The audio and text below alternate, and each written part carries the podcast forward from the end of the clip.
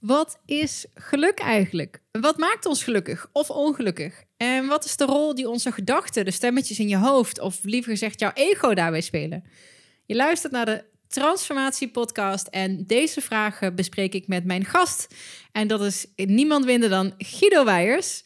Nou, we kennen Guido natuurlijk allemaal um, als cabaretier en van de oudjaarsconferences. Maar op dit moment is Guido uh, langs de theaters aan het toeren en niet met cabaret, met uh, grapjes, maar met een masterclass over geluk. En dat was ook dus de aanleiding om met hem uh, over dit thema eens lekker te freewheelen. Ik vond het echt super tof om hem te ontmoeten. En het is echt een hele chille dude. Het is een heel leuk gesprek geworden. We hebben het niet alleen maar over geluk. We hebben het ook over nou, het hebben van wel of geen kinderen. De dood. Je ziet, we gaan alle kanten op. Maar ook succes en wat dat betekent. En over de red race. Dus uh, nogmaals, ja, voor mij was het een heel erg waardevol gesprek. Er zaten wel wat fijne inzichten in waar ik nog steeds wel eens aan moet denken. Zo van, oh ja, ja, dat is inderdaad zo. Ik ben ook onwijs benieuwd wat jij hieruit gaat halen. En ik zou het ook heel erg leuk vinden als je jouw grootste inzicht of eye-opener of, of dat dingetje wat is blijven hangen. Als je dat uh, eventjes in een comment op uh, bijvoorbeeld op Instagram of misschien ook wel gewoon in de review-sectie uh, achter wil laten. Maar ik denk dat Instagram het leukste is. En dat is niet voor mij, maar het is ook voor andere mensen die er misschien nog willen gaan luisteren of geluisterd hebben. Zo van, oh ja, dat is tof. daar heb ik wat aan. Um, Voordat we naar het gesprek met Guido gaan luisteren, nog even het volgende. De Transformatie Podcast kan enkel en alleen bestaan om twee redenen. En als jij dit een toffe podcast vindt, dan hoop ik dat jij met een van die twee mij ook ondersteunt. En de eerste is um, onze host 12 Waves. Dus 12 Waves is de sponsor uh, van deze podcast. Uh, 12 Waves is het bedrijf wat ik samen met Michel Vos heb en wat wij daar doen, is dat we trainingen geven en masterclasses uh, bij bedrijven, met name IT-bedrijven, gericht op persoonlijke ontwikkeling, productiviteit en duurzaamheid. En um, bijvoorbeeld de, onze twee favoriete, meest populaire masterclasses, dat is een masterclass over getting shit done. Dus uh, leren omgaan met je tijd, productiever werken, meer rust in je hoofd. En niet alleen het werk afkrijgen, maar ook je eigen lange termijn doelen. Hoe ga je dat in hemelsnaam allemaal fixen? Dus dat is een, um, een masterclass workflow noemen we dat, getting uh, shit done. En tweede masterclass die onwijs populair is, heeft te maken met energie. Want we willen natuurlijk allemaal veel meer energie. En in die masterclass leren je hoe je, je je mentale en je fysieke, je lichamelijke energie kan optimaliseren. En die masterclass heet Unstoppable Force. Nou, we hebben nog meer, maar dit zijn de twee uh, meest populaire. En ik kom daarover ook graag bij jouw bedrijf uh, een masterclass geven. Dus hoek me op, stuur me een mailtje of forward onze website www.12-waves.nl naar je HR-medewerkster. En de tweede is, ja, deze podcast bestaat bij gratie van jou. Jouw likes, jouw comments, jouw uh, reacties, eh, de, de mensen die zich abonneren, de reviews die achter worden gelaten, de sterrenwaarderingen. Ik ben er onwijs trots op dat ik een gemiddelde van 5 uit 5 sterren heb. Dus als je een steentje bij wil dragen, maar, maar misschien dat het niet bij jouw bedrijf um, aansluit, laat er in ieder geval eventjes een review of een sterrating voor me achter. Of abonneer je op de podcast uh, in nou, het kanaal waar jij nu op aan het luisteren bent. Um, dus dankjewel. Wij gaan door naar Guido en ik spreek je volgende week weer.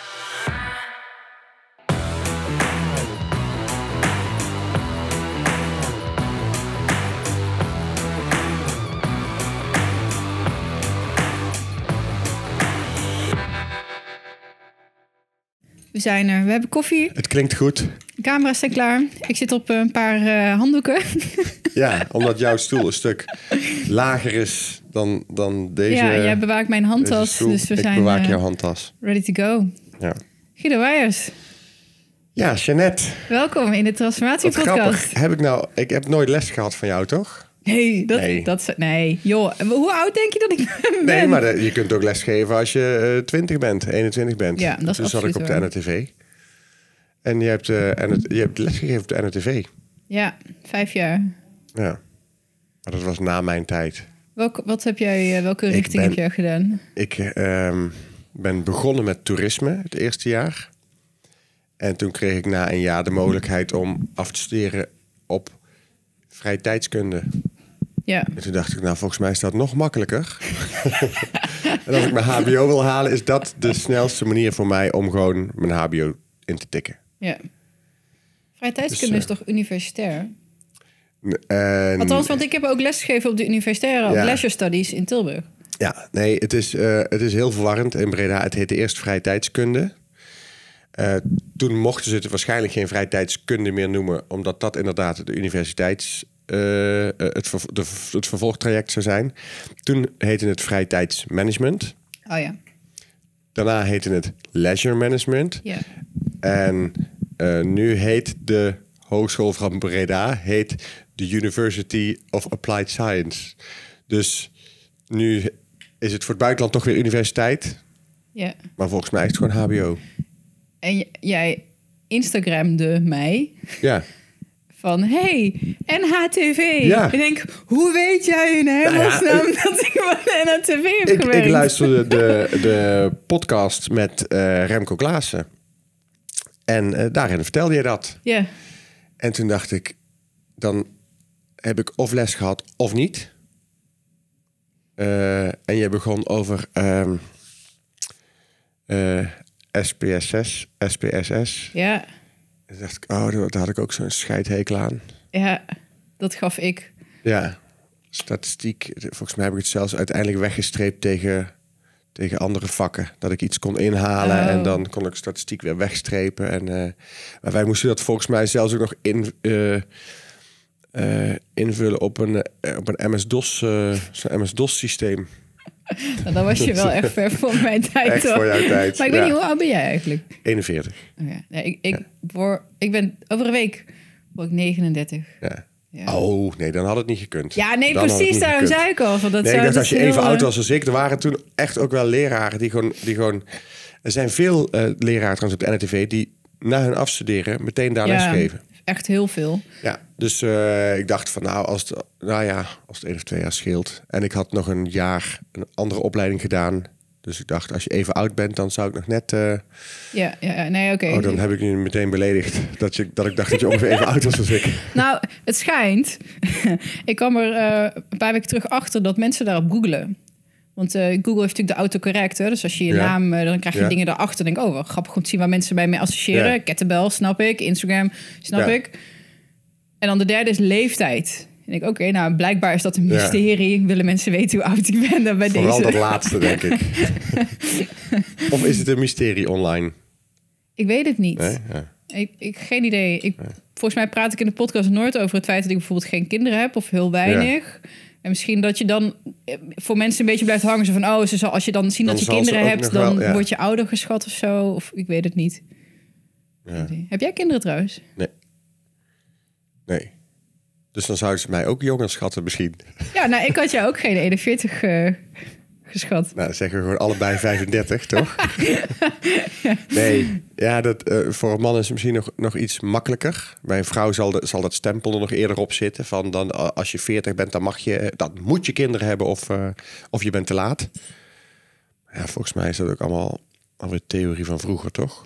Ik heb geen idee. Maar de enige theorie die ik nu heb, want mensen van, oh, ik zou niet zeggen dat je zo, zo oud was. Ik denk volgens mij, biologisch gezien, ben natuurlijk een biologisch Ja. systeempje gemaakt voor kinderen. En zolang ik geen kinderen heb, blijf ik eens in een soort van opperbeste staat. Zo- Ja, ja. Een soort van. Zou dat het zijn? Ik denk het. Dat is een soort van zelfpreservering of Ja. zo. Dat is mijn Nou theorie tot nu toe. als je de theorie gaat omdraaien, dan zou je dus zeggen... als mensen op hun 25e drie kinderen hebben gehad... dan is hun lichaam gewoon helemaal... pff, en wordt ze snel oud. Als je jouw theorie omdraait, toch? Je zegt, Ja, ja, ik- maar zo omdat van, ik geen kinderen zo- heb... denkt ik- mijn lichaam nog steeds... ik moet mijn krachten bewaren. ja, ik moet, ik moet in beste staat blijven. maar dat zou betekenen het. dat er iemand van 25 dus gewoon niks meer hoeft. Met drie kinderen, hè? Ja. Nou, er zijn. Dat wordt een andere discussie nu. Ik wil natuurlijk helemaal niemand beledigen. Dus laten we Nee, dat nee, vooral, maar ik ken ze ook. Vooral niet doen. Maar ja, vaak zien het wel. Je- Het, is gewoon veel meer stress, veel minder slaap, veel meer zorgen. Dat, dat zie je wel aan mensen. En dat is niet dat dat slecht is of zo, of dat dat niet, niet Nee, maar dat moet komt niet kan. omdat hun lichaam opgeeft... maar dat komt gewoon omdat kinderen hebben gewoon ontzettend... Het put je helemaal uit, joh. Ja, joh. Dat is, eh, als ik, mijn vriendin en ik zeggen wel eens tegen elkaar, dan speel ik eh, eh, vijf keer in de week. En dan eh, zijn we nog een eh, pand aan het verbouwen ergens. Ook nog. En dan is zij ook nog eh, fulltime aan het filmen ergens. zo. En dan, dan aan het eind van de week zijn we helemaal naar de kloten. En dan zeggen we, moet je je voorstellen, er zijn gewoon andere mensen die hebben gewoon kinderen. Dat is nog echt veel erger. Want wij kunnen in het weekend dan uitrusten. Ja. Of even slapen als we willen. Mensen met kinderen kunnen dat de eerste paar jaar nooit. Ik zeg dat, wij zeggen dat thuis ook echt regelmatig. Van, oh mijn god, Ja. ik ben echt zo blij dat ik die stress eh, niet heb. Lijkt me pra- Mhm. prachtig hoor, maar ik ben heel bewust kinderloos. Ja. Niet echt met andere dingen qua legacy of zo eh, bezig. Ik weet het niet. Oké, maar eh, tien minuten geleden zeiden we hallo. ja. En nu zitten we over kinderen te praten. Dus dus, ja. Te, te snel, te soon. Nee, ja, nee, we, we gaan niet over favoriete standjes en zo eh, Helemaal hebben. niet. Maar, hoe kinderen gemaakt worden. Nee. Nee, maar Nee. we hadden, het, we hadden het over de NHTV. En dat vond Oh ja. En eh, het feit En dat je... leeftijd, ja. Ja, en ehm, dat het via Instagram is en dat mensen eh, inderdaad dat soort dingen googlen. Maar Ja, je- ik kwam bij, ik kwam bij, bij die ehm, podcast waarin jij vertelde dat je les had gegeven op de NRTV. Ja. Eh, kwam ik ook meteen terecht bij Paul Smit. En je had Patrick Kikker geïnterviewd. En je had Thijs Lindhout geïnterviewd. Nou, ja, dat, en dat is onge- waren ongeveer eh, mijn, mijn laatste WhatsApp-gesprekken van die dag. Zo ongeveer. Dus toen dacht ik, nou, dat is wel typisch. Dat, ehm, dat het wereldje zo klein lijkt dan of zo. Dat heb ik ook. En dat valt me ook steeds meer op. En da- daarom probeer ik wel zoveel mogelijk ook met de gasten die ik spreek... een beetje Ja. een leuke mix te maken. Zo van, Ja. Want je ziet eh, heel veel dezelfde namen overal. En dat is natuurlijk Ja. helemaal prima. is ook leuk. Eh, ik ben zelf ook echt al heel vaak eh, gevraagd in andere podcasts. Ja. Super tof. Maar het is ook leuk om een beetje zo'n mix. Wat Ja. onbekendere en ja, weer moet wat geen bekendere. gaan worden. Nee. Iemand vroeg me zelfs dat op LinkedIn. Ze van, ja, ik zag jou daar en die, was, die had dan Thijs en Suzanne van Schaik ergens op een château in Frankrijk gezien bij een of ander. Ja. Zo van, hebben jullie een soort van netwerk? Ik, zeg, Ja. ehm, nee, maar ik snap wel dat mensen dat denken als ze Ja. steeds dezelfde bij elkaar terug zien komen. Ja, dat is ook logisch. Daarom ben ik ook eigenlijk wel blij dat ik niet in de Randstad woon. Dat je ook niet een soort van sociale dingen... Ik ben niet zo van de... Ik ben best wel een kluizenaar eigenlijk. Ja, vind ik ook prima, want ik vind dit soort ontmoetingen en dan trainingen geven daarnaast, weet je, en daarnaast ook wel klaar. Dan denk ik, oh, doe mij maar even lekker gewoon in mijn uppie. Ehm, dus ik heb een makkelijke reden om niet allemaal van dat soort sociale dingen mee te hoeven. Ja. Ik woon gewoon aan de andere kant van het land. maar uiteindelijk zit je toch in hetzelfde circuit wel. Ja. Ook zonder dat je in Amsterdam woont, toch? Ja, Dus het is niet per, dat is ook het mooie van internet. Ja. Je hoeft dus niet per se alleen maar altijd bij alle feestjes te zijn. Als je gewoon een beetje God. linkt met, met eh, interesses. Ja. En jij nu al helemaal, want je hebt een paar dingetjes net ook, want ik wilde eigenlijk met je hebben over energie, hoe jij je energie managt. Mhm. Grappig dat je dat zelf ook- ook al eh, eigenlijk aanhaakte. Je hebt geen kinderen. En ik bedoel, ik geef zelf nu ook training, best wel veel. Masterclasses, een paar uur. Ik ben natuurlijk docent geweest. Je bent echt klaar. Je bent echt Ja. op. Ik, kan, ik zag jou, jouw schema. Ja. Jezus, hoe doe je dat in hemelsnaam? Hoe manage je je energie? Nou, er is wel een groot verschil als jij eh, lerares bent of ik eh, eh, geef een masterclass. Ehm, bij jou zaten misschien mensen in de klas die niet per se uit zichzelf gemotiveerd waren. En bij mij koopt iedereen een een kaartje omdat ze interessant vinden wat ik te melden heb. Dus dat is al, die voorsprong heb ik al, gelukkig. Ja, Ehm, dus, en als een voorstelling goed gaat, dan krijg ik daar energie van. En mijn energie zit vooral in de voorbereiding en in ehm, dus het maken van een masterclass of van een voorstelling. Bij een oudejaarsconferentie is het dus ook veel taaier, omdat ik dan ben ik vier maanden lang aan het schaven en dan moet hij elke dag anders zijn en hij moet dan binnen vier maanden staan. Die masterclass, die heb ik twee jaar geleden gemaakt. En die pas ik heel af en toe eh, een beetje aan omdat de cijfers veranderen. Maar verder is het voor mij naar een theater rijden en ik ken hem uit mijn hoofd. En, eh, en dan krijg ik er energie van. Ja, ja, ja. Dus deze tour is voor mij, ehm, ja, hier laat ik op zelfs. oh. En eh, ik vind het ook weer fijn, omdat jij net begon over kluizenaar zijn. Ik vind het sinds kort ook weer fijn om in mijn eentje in de auto te zitten. Bij een oudejaarsconferentie dan heb je mensen bij je en dan eh, die zorgen voor eten en die eh, rijden jou naar een theater. Dan kun jij in de auto nog eventjes nieuwe dingen opschrijven en nieuwe dingen doorvoeren s'avonds. En eh, nu hoef ik in de auto tegen niemand te praten. Ik hoef mijn scheten niet in te houden. Ik kan in mijn neus peuteren als ik wil. Bij wijze van spreken, ik mag alles. Ik mag Ja, mijn ja, muziek ja. aanzetten. Ik hoef me voor niemand te excuseren Meezingen. hoef ik niet allemaal te doen, maar het mag. En ik ben iemand... ik- van nature wil ik het altijd iedereen naar de zin maken.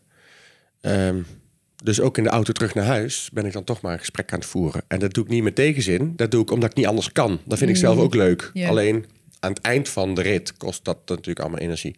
Dus nu, joh, die voorstelling is al af. Ik rijd door heel Nederland in mijn eentje, muziekje aan.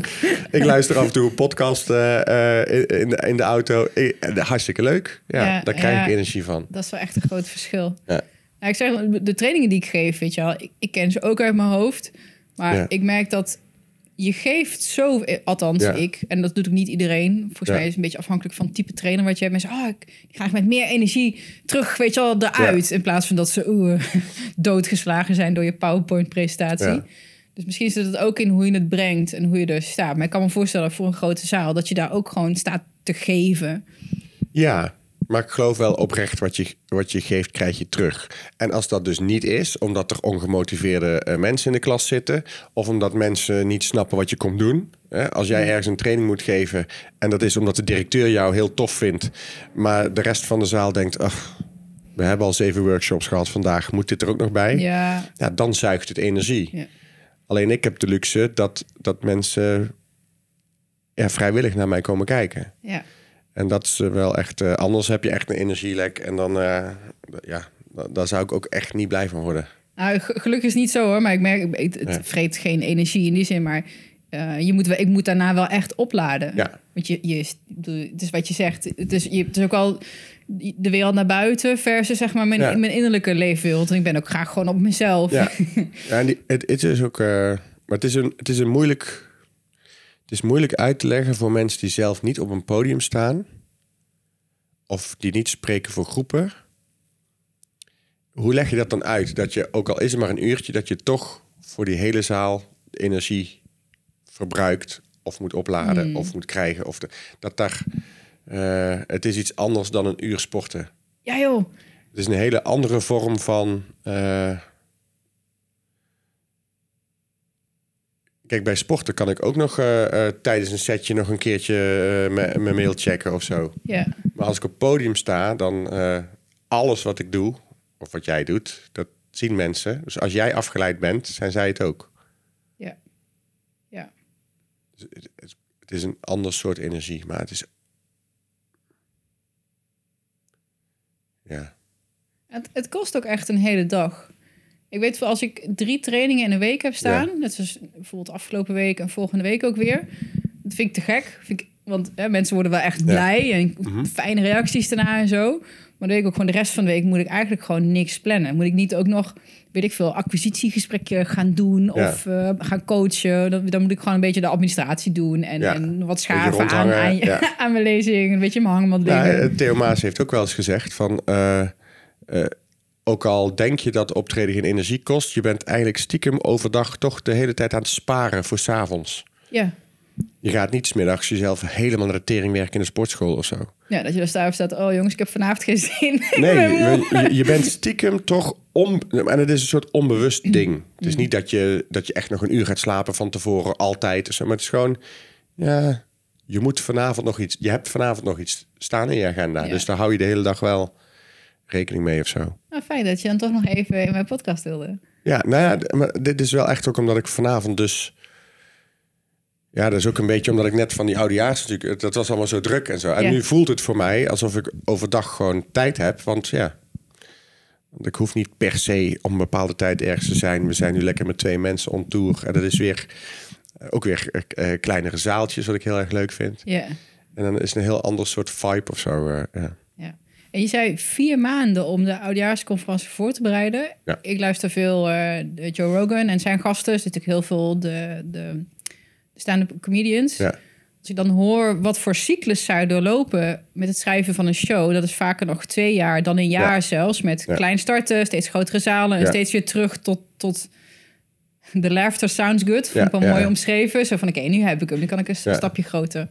Maar dat is dus twee jaar, of dat ze een Netflix special doen. Maar dan, Ja. dat is eigenlijk wel vergelijkbaar met een oudjaarsconferentie in Scope voor Ja. Nederland. Vier maanden. Mijn hemel, dat is echt super Ja. kort. Is het ook. Daarom is dat, is dat ook wel, eh, dat noem ik wel topsport. Ja. Ja. Ehm, maar ook leuk. Eh, er zijn weinig mensen die, eh, die het ook goed bevalt. Als ik, eh, ik weet dat Theo Maas heeft een keer een oudejaars gedaan, Herman Vinkers, eh, en die, die vinden het allemaal heel taai. Omdat je in een korte tijd een bepaald resultaat moet bereiken. En ik ga daar blijkbaar eh, gewoon goed op. Ik vind het leuk om, om bepaalde druk te hebben dat, dat we in juni gaan schrijven. En dat er binnen twee maanden iets, iets moet liggen. En dat we 1 september de eerste show doen. En dat er binnen vier maanden dan dat we uiteindelijk eindigen in het oude Luxor. En dat het daar eh, de camera's meedraaien. Ik vind dat leuk. En eh, het is tot nu toe ook altijd gelukt. Ja. En dat, dat, dat helpt ook. ja. Eh, Ben, je, ben je wel eens eh, ja, afgegaan? Dat klinkt dan heel eh sneu. Ja. maar als ik, als ik dat dan voor me zie, dat je zo achter in de auto nog dingen verwerken en schaven... en dat je dat dan gewoon meteen ook, geen generale repetitie... Ja. maar meteen zeg maar ten tonele mag brengen. Daar zit dan vast wel iets tussen wat waarvan in je hoofd Ja, leuker tuurlijk. was dan, Ja, dan dat, hoort, daarvoor doe je dus die vier maanden eh, speel je try-outs. Want dan, dan moet je jezelf het ook eh, de vrijheid gunnen om op je bek te mogen gaan. Alleen gelukkig is het zo dat ik nu natuurlijk na zoveel jaren spelen... eh, dat altijd 80 of 90 procent goed is.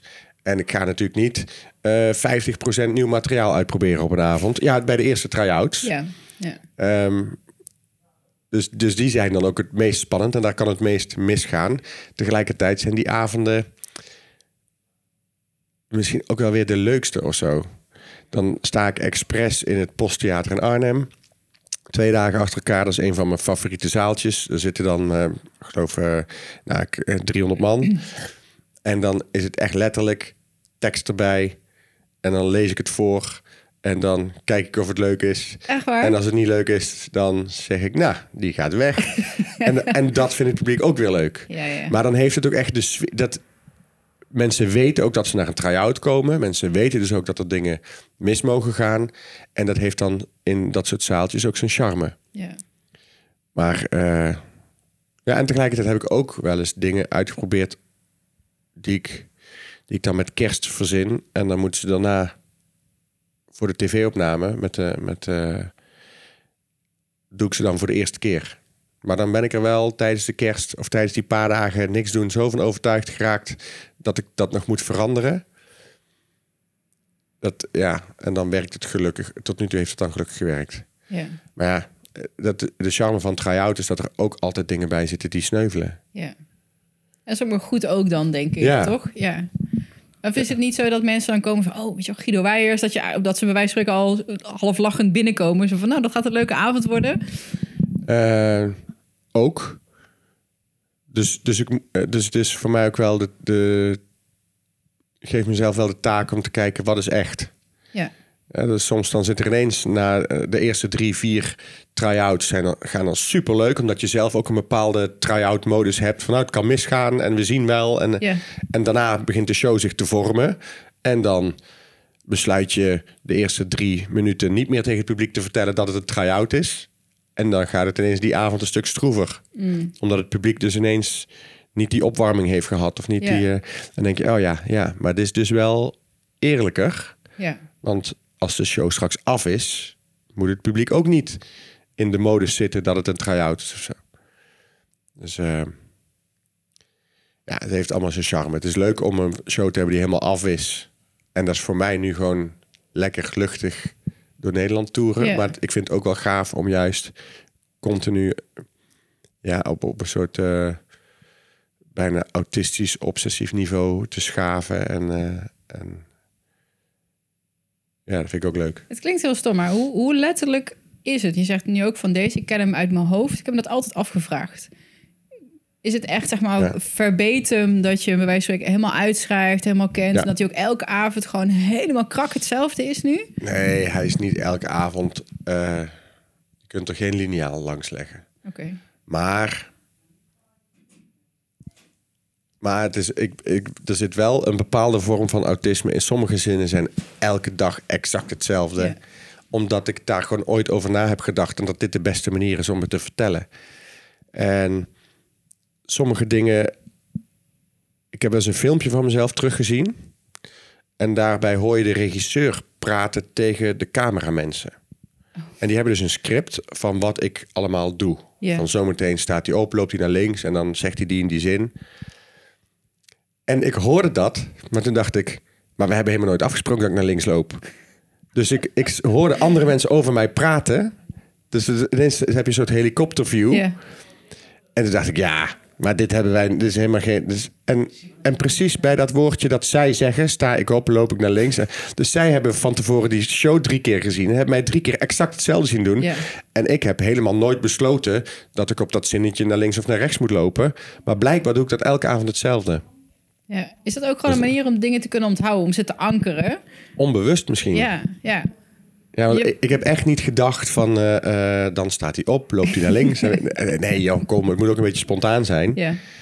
Dus ik denk dat, dat ik dan ehm, dat het onbewust altijd zo gaat. Ja. Ja. Ja, ik moest aan dat geheugending denken. Want ik heb zo'n boek gelezen van een meneer die dan van die geheugenwedstrijden gaat doen. En dat, is al, dat wordt allemaal eh, gekoppeld aan elkaar. Dus bepaalde Ja. getallen die hij moet onthouden. Dan gaat hij een ruimte bedenken en inrichten. Ja. En daar loopt hij dan doorheen. Dus ik kan me ook voorstellen als je een verhaal speelt.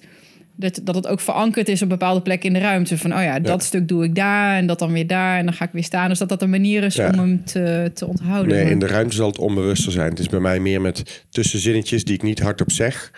eh, maar die voor mij wel een linkje tussen verschillende onderwerpen maken of zo. Of eh, in 2006 bijvoorbeeld eh, had ik ergens een, twee verschillende onderwerpen. En ik, er zat helemaal geen link tussen die onderwerpen. Dus daar raakte ik altijd de volgorde kwijt. Maar toen ik hem vaker gespeeld had, wist ik gewoon altijd... oké, als de O uit het publiek komt, bij die grap van... oh, oh, oh, oh ja, daar moet ik het volgende onderwerp beginnen. Dus dat ik, dat ik niet eens wat ik zelf deed als reminder had... maar gewoon de reactie van het publiek. Oh ja, als die reactie komt, dan begin ik over dat onderwerp. Ja. Is het wel eens gebeurd Dus, dat, je, dat je de draad kwijt was? Tuurlijk. Ja? Ja, ja maar eh, gelukkig is mijn vorm eh, wel zo dat ik dan ja, zo doorpraat over iets anders. en dan uiteindelijk toch wel weer bij het andere onderwerp terugkom. We blijven lachen. Ja, en mijn, mijn technicus zit dan denk ik, hij, hij, gaat een, hij, hij- verandert van onderwerp. Maar waar zijn we nu? Oh, hij is nu daar. En eh, die volgt mij dan gelukkig goed. Eh, ehm, en dan in mijn hoofd is het natuurlijk ineens chaos en een soort error. Maar ja, of ik zeg gewoon tegen het publiek van, eh, oh, nou weet ik niet meer waar ik was. Ja, en dan is, Ja. Het ook, eh, dan is, dan is de druk eraf. Ja, dat is het, dat is het fijne van stand-up comedy of, eh, of de vorm die ik hanteer, is dat je eigenlijk alles kunt benoemen. Ja. Wat is eigenlijk je keuze? Want cabaret, comedy en nu dan die masterclass, geluk. Ehm, van waar nu geluk? Of een Ehm, masterclass en niet, niet, in, ja. een, niet in, een, in een andere vorm. Ehm, nou, niet in een andere vorm, omdat ik, eh, ik, vond, ik vind geluk gewoon een heel interessant onderwerp. En ik merk eh, aan mezelf, als je gewoon vraagt wanneer ben jij blij, dan ik ben het blijst als ik gewoon aan een keukentafel eh, gewoon met andere mensen kan praten over interessante dingen. Ja, En als ik met vrienden om tafel zit en we praten over ons leven en over wat we willen met ons leven en wat ons gelukkig maakt, dan word ik blij.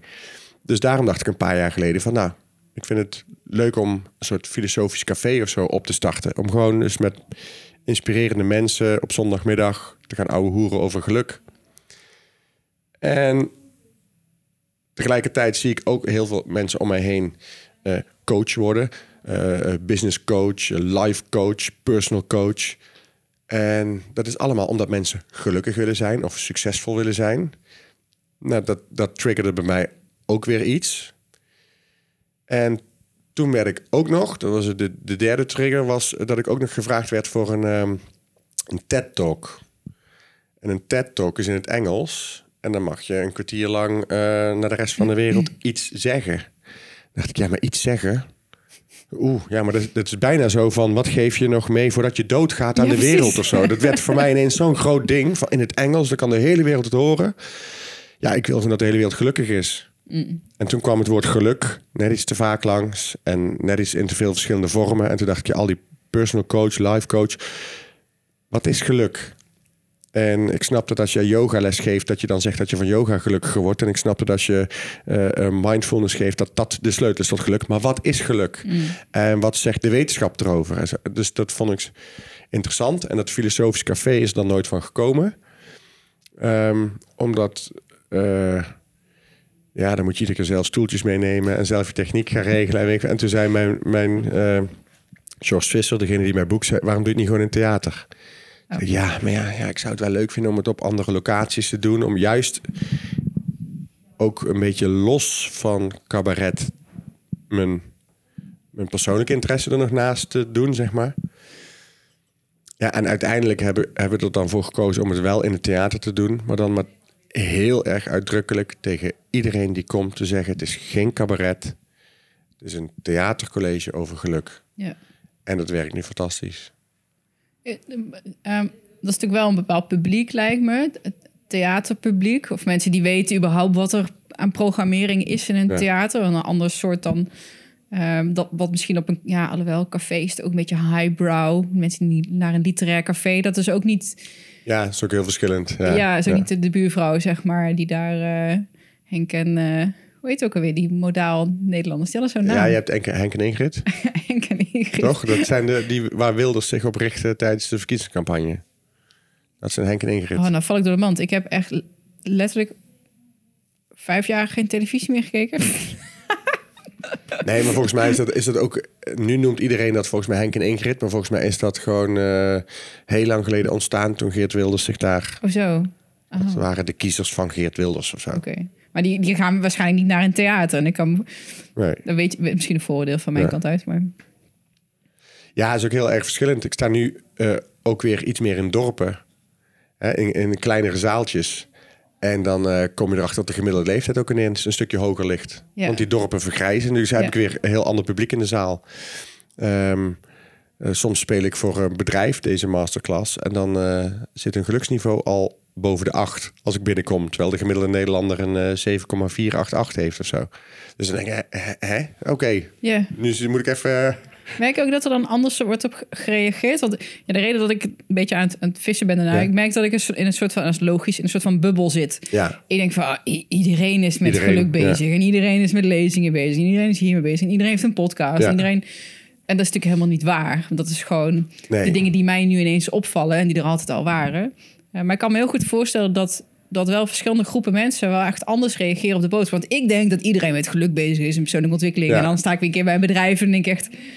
Oh, Ja, ja, Nee, niet iedereen misschien- is hiermee bezig. Dat was misschien ook een aanname, maar in ieder geval iedereen, of ik zag heel veel mensen om mij heen ja. die dat interessant vonden. Het kan al simpelweg met leeftijd te maken hebben. Want eh, eh, dat vijf jaar geleden ineens iedereen om mij heen 35 is en ineens denkt, ja, en wat gaan we nu doen met ons leven? Hè, nu hebben we een huis en een auto en een kinderen, en nu? Dus dat mensen eh, op die manier bewuster ehm, met, met hun leven eh, omgaan. Of dus, dus leeftijd. Maar het kan ook zijn dat mensen. dat inderdaad mijn filterbubbel heel erg gericht was op eh, filosofie en ja. coaching. En, eh, en, Het was trouwens ooit, toen ik begon met deze podcast, was dat het idee wat ik had. Ik heb zelfs aan, aan Patrick uh, Kikker nog gepitcht ook. Dat lijkt me echt te gek om een soort van terugkerend ding elke maand, of nu denk ik elke maand, elk kwartaal misschien, om gewoon een soort van Baudelaire café. Dus gewoon Ja. met meerdere mensen, een wijntje erbij, ja. eh, gewoon Superleuk. lekker filosoferen. Ja. En hij had iets van, nee, dan gaan we met elkaar praten, weet je, dat wordt één grote chaos. Maar toch lijkt me dat leuk om met een paar vaste waarom, mensen. waarom moet je het überhaupt opnemen? ja. Je, als, als, als het je leuk lijkt om met mensen eh, om tafel te filosoferen over dingen. Ja, het feit dat je het daarna online wil gooien, dat is een tweede. Maar gewoon in een, in een zaaltje met mensen, maar gewoon met toffe mensen praten is altijd leuk. Ja. En er zijn mensen die in jouw leven die zijn trouw en daar, daar, eh, eh, daar hou je heel veel van, omdat die een vaste waarde zijn in je leven. En je hebt mensen die jou ook daadwerkelijk inspireren en die jou op andere gedachten brengen. En, eh, en daartussen zit ook nog een mix van die mensen. Van mensen die en trouw zijn en jou vaak inspireren. En, maar het is wel leuk om met mensen die jou, die jou ook kunnen inspireren te kletsen. Ik, ik krijg er ook altijd energie van. Ja. Ja, ik doe dat heel weinig, merk ik. Maar ik ben echt een, be- een beetje kluis, kluizenaar. Ja, maar jij doet het tij- tijdens Ik je podcast. Ja. Ik, ah, ik zit wel steeds, als je denkt, wat zit ik toch elke ja, keer? Ik zit, Nee, maar dat is, jij dat is de reden dat ik niet daar ging zitten. ik zag het aankomen. Het zit prima. Ehm, oh, nou, nou ben ik dus kwijt wat ik eigenlijk eigenlijk Ja, en dan benoem je het en dan is het geen probleem meer, toch? Dat Ah, is we hadden het over je filter, altijd. je bubbel. Ja, die filterbubbel wordt wel ook natuurlijk ook steeds, ehm, eh, steeds meer een niche. Omdat je, als ik op een gegeven moment zeg dat ik iets vind van filosofie en van geluk en van eh, omdenken, of weet ik, veel, als ik daarin geïnteresseerd ben, dan krijg ik ook alleen nog maar advertenties op mijn Ja. Facebook van die onderwerpen. Dus die filterbubbel wordt ook steeds nauwer en steeds gerichter. Ja. Dus. Eh, Dan zie ik op LinkedIn alleen nog maar coaches en alleen nog maar Ja. sprekers. En denk ik, Ja. iedereen is in één keer spreker. Dat is natuurlijk helemaal niet waar. Maar En daarnaast is het natuurlijk ook zo dat je jezelf gewoon eh, je, je selective exposure eh, hebt. Eh, Zodra als ik tegen jou zeg, ik ga morgen een, eh, weet ik veel, een, een Renault kopen, ik koop een nieuwe auto. Vanaf morgen zie ik overal alleen maar Renaults rijden. Reticular Activating System. Ja, is dat een wetenschappelijke term? Ja, maar dus- Ja, zo ik gebruik het. het in mijn, in, mijn, in mijn lezing, want dan maak je mensen duidelijk van... hey, het universum gaat niet in één keer allemaal Renaults voor jou op de snelweg toveren. Die waren er altijd, alleen je ziet ze nu. En zo kan je dat ook in- gaan inzetten, zeg maar Ja. instrumenteel... als je kansen wil gaan zien. Of, Ja, ja. dus niet, eh, nou, je zegt wel iets eh, wezenlijks waardoor je, dat zeggen mensen toch vaak bij The Secret of, of dat soort dingen. ja, de of Van ja, als, als je maar hard genoeg daaraan denkt, dan komt het vanzelf jouw kant op. Nou, of je ziet het gewoon meer. Ja, maar dat, dat En is je het. staat er meer voor open, Ja. je bent meer gefocust op die doelen. Maar het is niet zo inderdaad dat ineens die rode Ferrari voor je deur staat omdat je daar heel hard aan denkt. Nee, als je er gewoon nooit aan denkt en nooit mee bezig bent, was je hem voorbij gelopen. Ja. Ik kreeg daar wel, want ik, ik, ik gebruik datzelfde voorbeeld ook. En ik kreeg eergisteren zo wel echt een hele goede vraag van iemand. Die zei van ja, maar wat nou? Want ik zei, oké, je, je hebt die intentie nodig. Mhm. Je moet ook actie ondernemen, want het komt niet vanzelf. En dan krijg je resultaat. En die zei van Ja. ja, maar ik weet wat ik wil en ik focus me daarop. En ik zet ook acties, maar het komt er niet van. Wat doe ik dan verkeerd? Ik echt, eh, dat is een goede vraag. Volgens mij kan het dan bijna Nee, niet dat, verkeerd dat is ook het bewijs dat, eh, dat je dus voor een heel groot gedeelte geluk nodig hebt. Je leven is niet maakbaar. Je leven is niet. eh, je kunt heel veel dingen doen en die zullen de kans op succes vergroten. Als jij 20 loten koopt, is de kans groter dat je iets wint dan wanneer je één lot koopt. Maar de kans dat je de loterij wint is nog steeds super klein. Ehm, dus, dus er is gewoon ook een. eh, je moet ook op het juiste moment op, op, op de juiste dingen doen en een beetje geluk hebben. Ja, ik weet niet of dat zo. eh, of ik daar mee eens ben. Of, eh, oké, wat, is, nou, wat is jouw definitie van geluk? Laten we dan daar eens mee beginnen, want dat, dat praat denk ik makkelijker. Mijn definitie van. Ik wil hem graag meteen. eh, eh, als ik hem zeg, dan zegt iedereen: Oh ja, zeg ik wel logisch. Ja, Daarom wil ik hem eerst aan jou vragen. Want anders klinkt het zo. eh, ik sta wel eens voor een bedrijf en dan, ze- en dan zeggen ze aan het eind van ja, eigenlijk heel logisch wat je zei. Dus met andere woorden, zo, zo, zoveel nieuws heb ik niet gehoord. Maar als ik vooraf vraag, wat is geluk? En zij kunnen er geen antwoord op geven en ik zeg het daarna, dan zeggen ze, nou, dat was echt een eh, eye-opener. dus het is puur hoe je vooraf je verwachting neerlegt en, en hoe je eventjes de mensen confronteert met hun eigen, met hun eigen gedachten. Eh, daarna pas is mijn gedachte geniaal. dus ik wil eerst aan jou vragen. Wat denk jij dat geluk is? Of wat is geluk voor jou? Of, eh, nou, ik, het, lijkt zo'n makkelijke vraag. het lijkt een hele makkelijke vraag. Ik, ik, mijn antwoord is denk ik tweeledig. Geluk is een, als ik kijk naar hoe het voelt, Mhm. voor mij is dat een soort van vorm van tevredenheid. Ik vind geluk niet hetzelfde als blijheid, bijvoorbeeld. Vind ik iets anders. Dus het voelt als tevredenheid. En voor mij is geluk, wat is die, als de realiteit beter is dan de verwachting. Realiteit minus Ja, verwachting. Want als je heel hoge verwachtingen hebt en dan kijk je naar de realiteit en denk je, eh, Ja, ja. ja, de- Ja, ik, snap- ja, ik snap wel wat je bedoelt. Ja. Als je ineens een moment beleeft dat je verwachting overstijgt of zo. ja. Dat, eh, of, Dus ehm, ehm, hoe ik, de- geluk is voor mij hoe ik de werkelijkheid interpreteer. Het labeltje wat ik eraan hang. Ik denk dat dat het dichtst bij komt bij hoe ik geluk ervaar. Dus hoe ik de wereld zie. Dus oké, Ja. ik ben nu, ik spreek nu met jou. Mhm. Ik kan zeggen, wow, dat is een heel fijn, tof, inspirerend, gelukkig moment. Of ik kan, wow, maar ik zit met Guido Weijers. Oh, oh, wat moet ik dan gaan vragen? En straks ben ik stom. Weet je wel, ik kan ja. in, in, een, in een ongeluk, zeg maar, mezelf in onzekerheid laten meezagen. Dus geluk is voor mij ook een soort van een state of mind. Van hey, een plek waar ik kan zijn, van waaruit alles oké is. ja. Het, eh, het omarmen wat is. Ja, Het niet meer streven naar geluk. ja het, tevreden, het gewoon tevreden zijn met de dingen zoals ze zijn. Ja, Dus eh Cheng Zhu, die zegt... geluk is de afwezigheid van het streven naar geluk. ja. Nou, ja, ik weet niet of streven dan per se slecht is. Ik denk dat Ik, niet. ik kan heel erg genieten van streven Ja. zelf. Nou, dus ik vond het zelf ook nog niet de beste... eh, Maar wat ik, wel, wat ik wel snap, is dat mensen het najagen en het geluk af laten hangen van een toekomstig doel wat ze nooit zullen bereiken. Maar ik denk, Ja. ja. weet je wel, als mensheid zijn volgens mij gekomen tot waar we nu zijn. Juist omdat we meer en beter. Het zit, zit in ons DNA om continu Ja. die verbetering te willen. maar het, het maakt ons ook gek. Dus, uiteindelijk brengt het ons eh, misschien wel dichter bij een doel... maar niet per se dichter bij geluk. Ja, misschien wel. Als, je, als je daar te veel van af laat hangen, dan eh, Ja, wij halen vaak succes en geluk door elkaar. ja. En, oh eh, ja, dat is een mooie. En de ja. mensheid is, is eh, vrij succesvol tot nu toe. Ik zeg echt bewust tot nu toe, want we zitten volgens mij nu op een kantelpunt dat we misschien wel eh, een soort eh, zelfdestructief gaan zijn. Ehm, en dat zou misschien eh, minder. Die, die, die, dat risico zou minder groot zijn als we ons meer zouden richten op geluk en minder op succes. Ja. Maar ik vind dat je een vrije... Je hebt eh, een tweeledig antwoord gegeven op de vraag...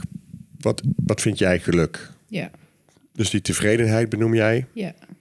En als een moment mooier is dan je had verwacht. Of als het iets meer brengt dan je had gehoopt. Of, Ja, of, eh, nou, wat ik denk meer wat daarin zit, is dat ehm, hele hoge verwachtingen hebben, zeg maar. Nou, nee, nee. Daar begon ik. Ik denk dat het meer is die tevredenheid met dat het is zoals het is. En dat heeft natuurlijk te maken met je verwachtingen. ja. Want als ik meer verwacht dan wat er is... Byron Katie doet dat. Ik weet niet of je haar wel eens voorbij hebt zien komen. Zo'n eh, zo'n spirituele mevrouw.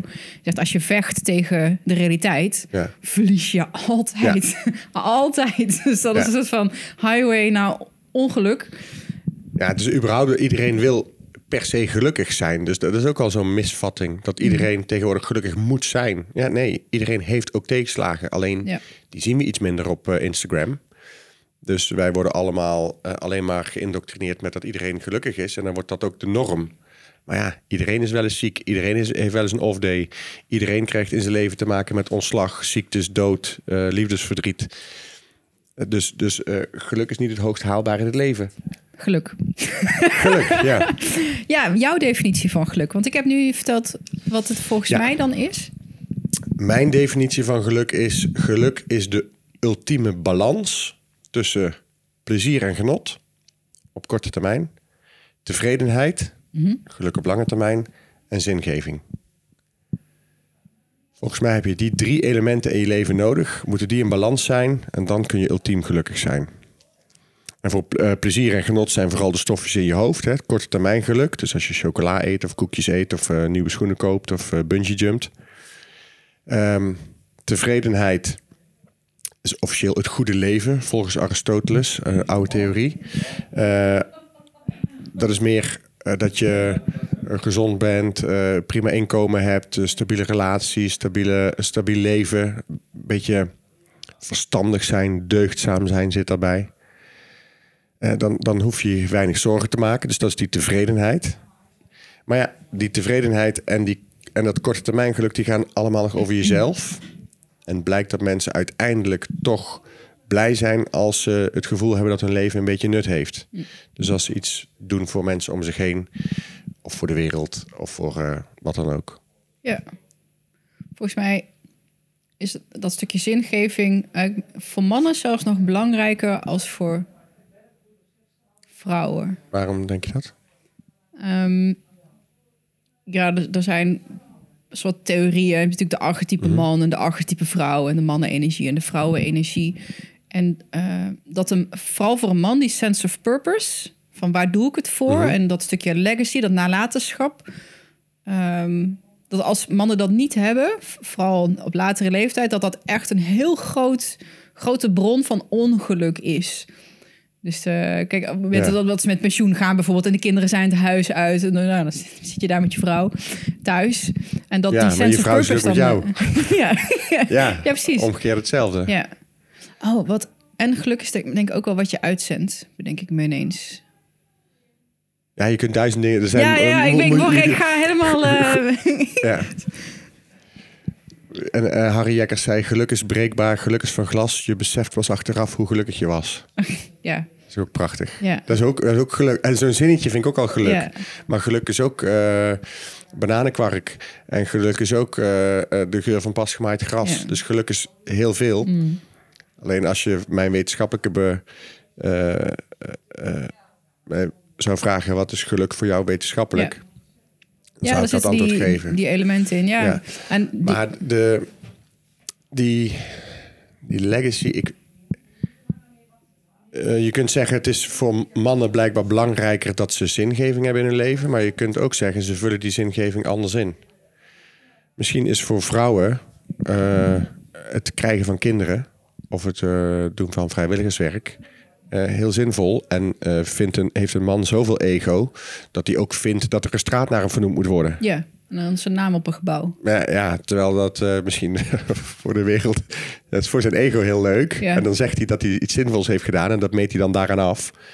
Ehm, maar ik weet niet of dat nou... Ja, weet ik niet. Het zou kunnen hoor, dat de Ja. mannen meer... Ik probeer me even af te vragen waar ik dat nu... want ik heb het meerdere malen eh, teruggehoord.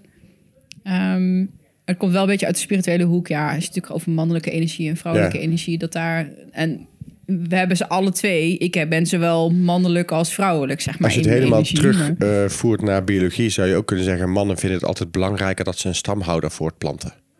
Ja, dat dat dan blijft mijn, eh blijft mijn genenpakket en mijn naam... de familienaam...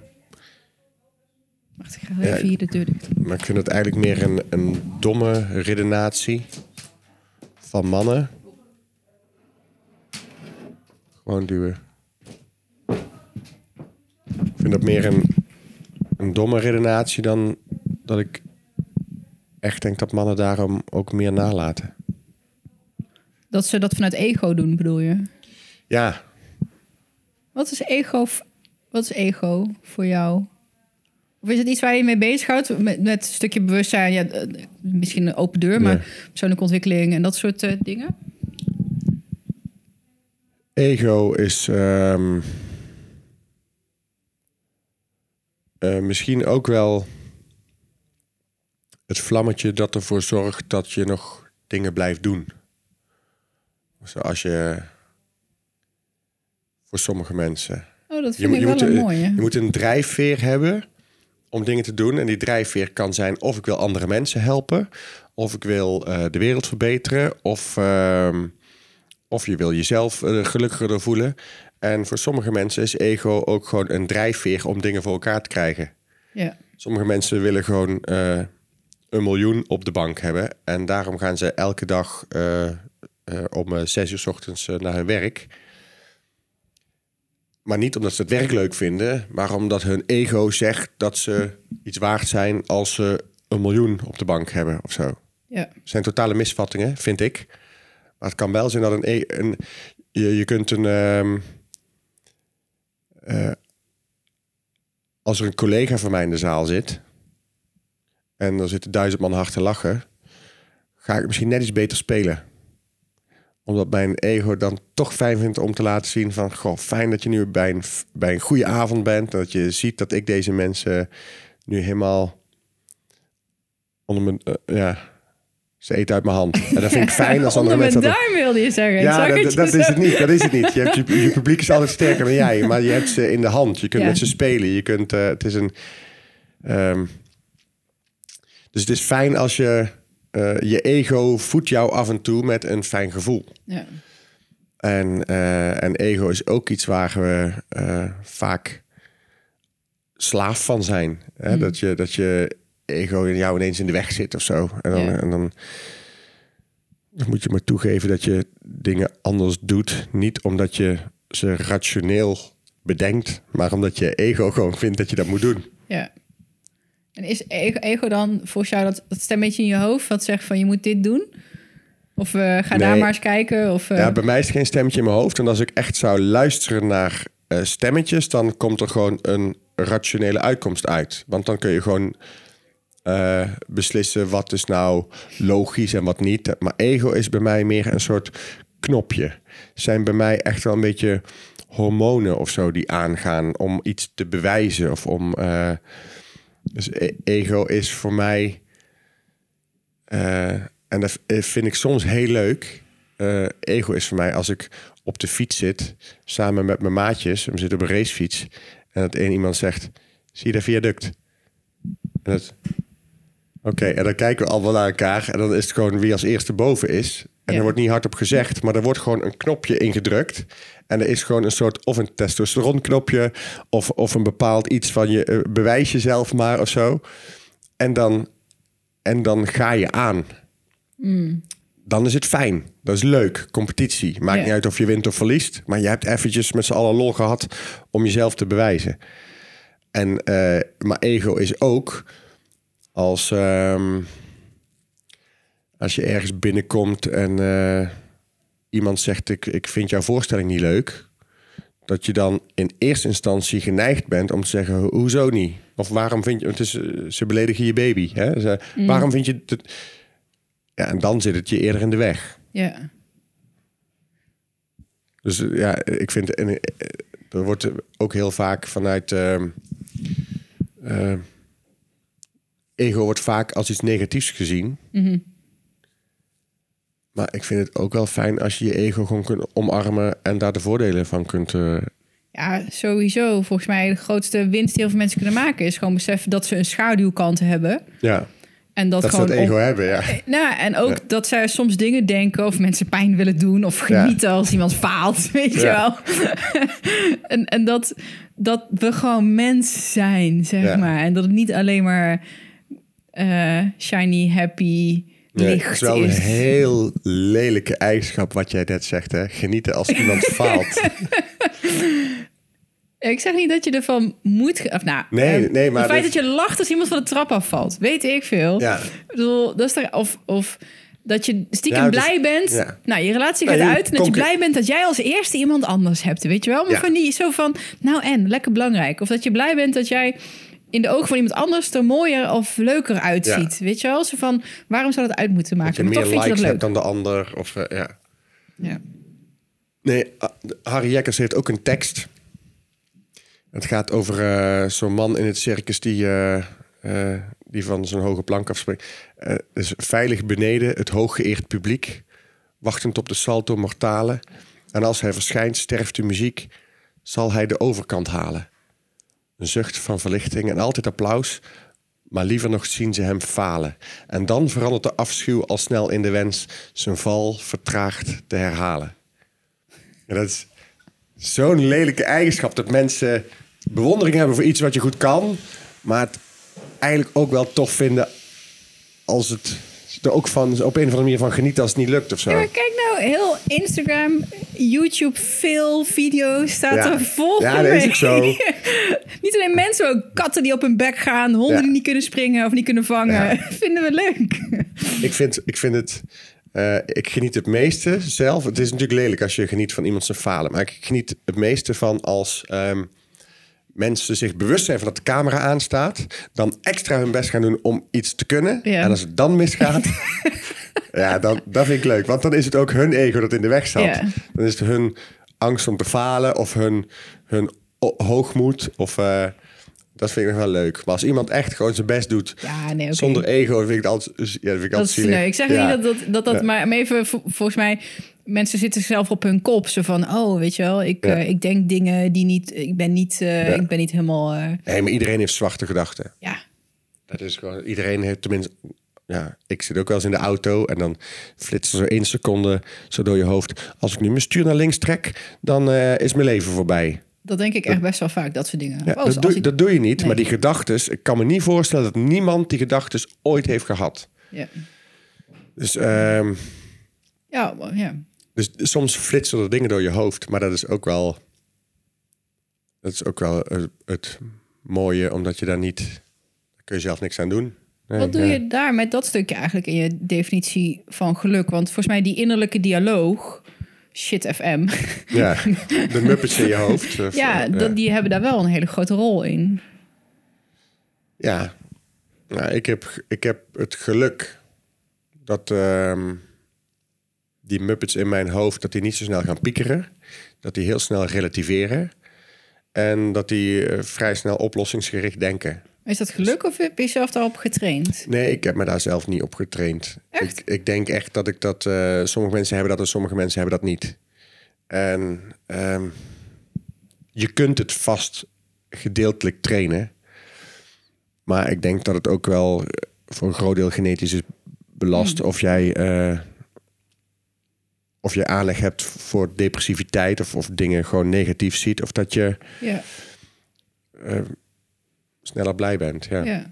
Nou, volgens mij zijn er heel veel van die spirituele eh, leren, maar ook heel, bijna alle zelfhulpboeken natuurlijk heel erg daarop gericht. Dat mensen die zich continu identificeren met, met alles wat Ja. er door hun hoofd spookt. En dat de eerste stap naar minder lijden, zeg maar, is zo van, oh, maar ja, dat ben, dat ben ik niet. Dat zijn maar gewoon gedachten. Nee, maar het is, je verkoopt natuurlijk geen één boek als je gewoon zegt... ja, dit is gewoon aangeboren en dan kun je weinig aan doen zelf... en je hebt geluk of niet. Nee, je verkoopt alleen maar boeken als je zegt... als je nou mijn techniek hanteert, dan verandert je leven. Ja. Maar ik geloof dat je daar eh, een groot deel... geluk... Tuurlijk kun je dingen sturen. Maar...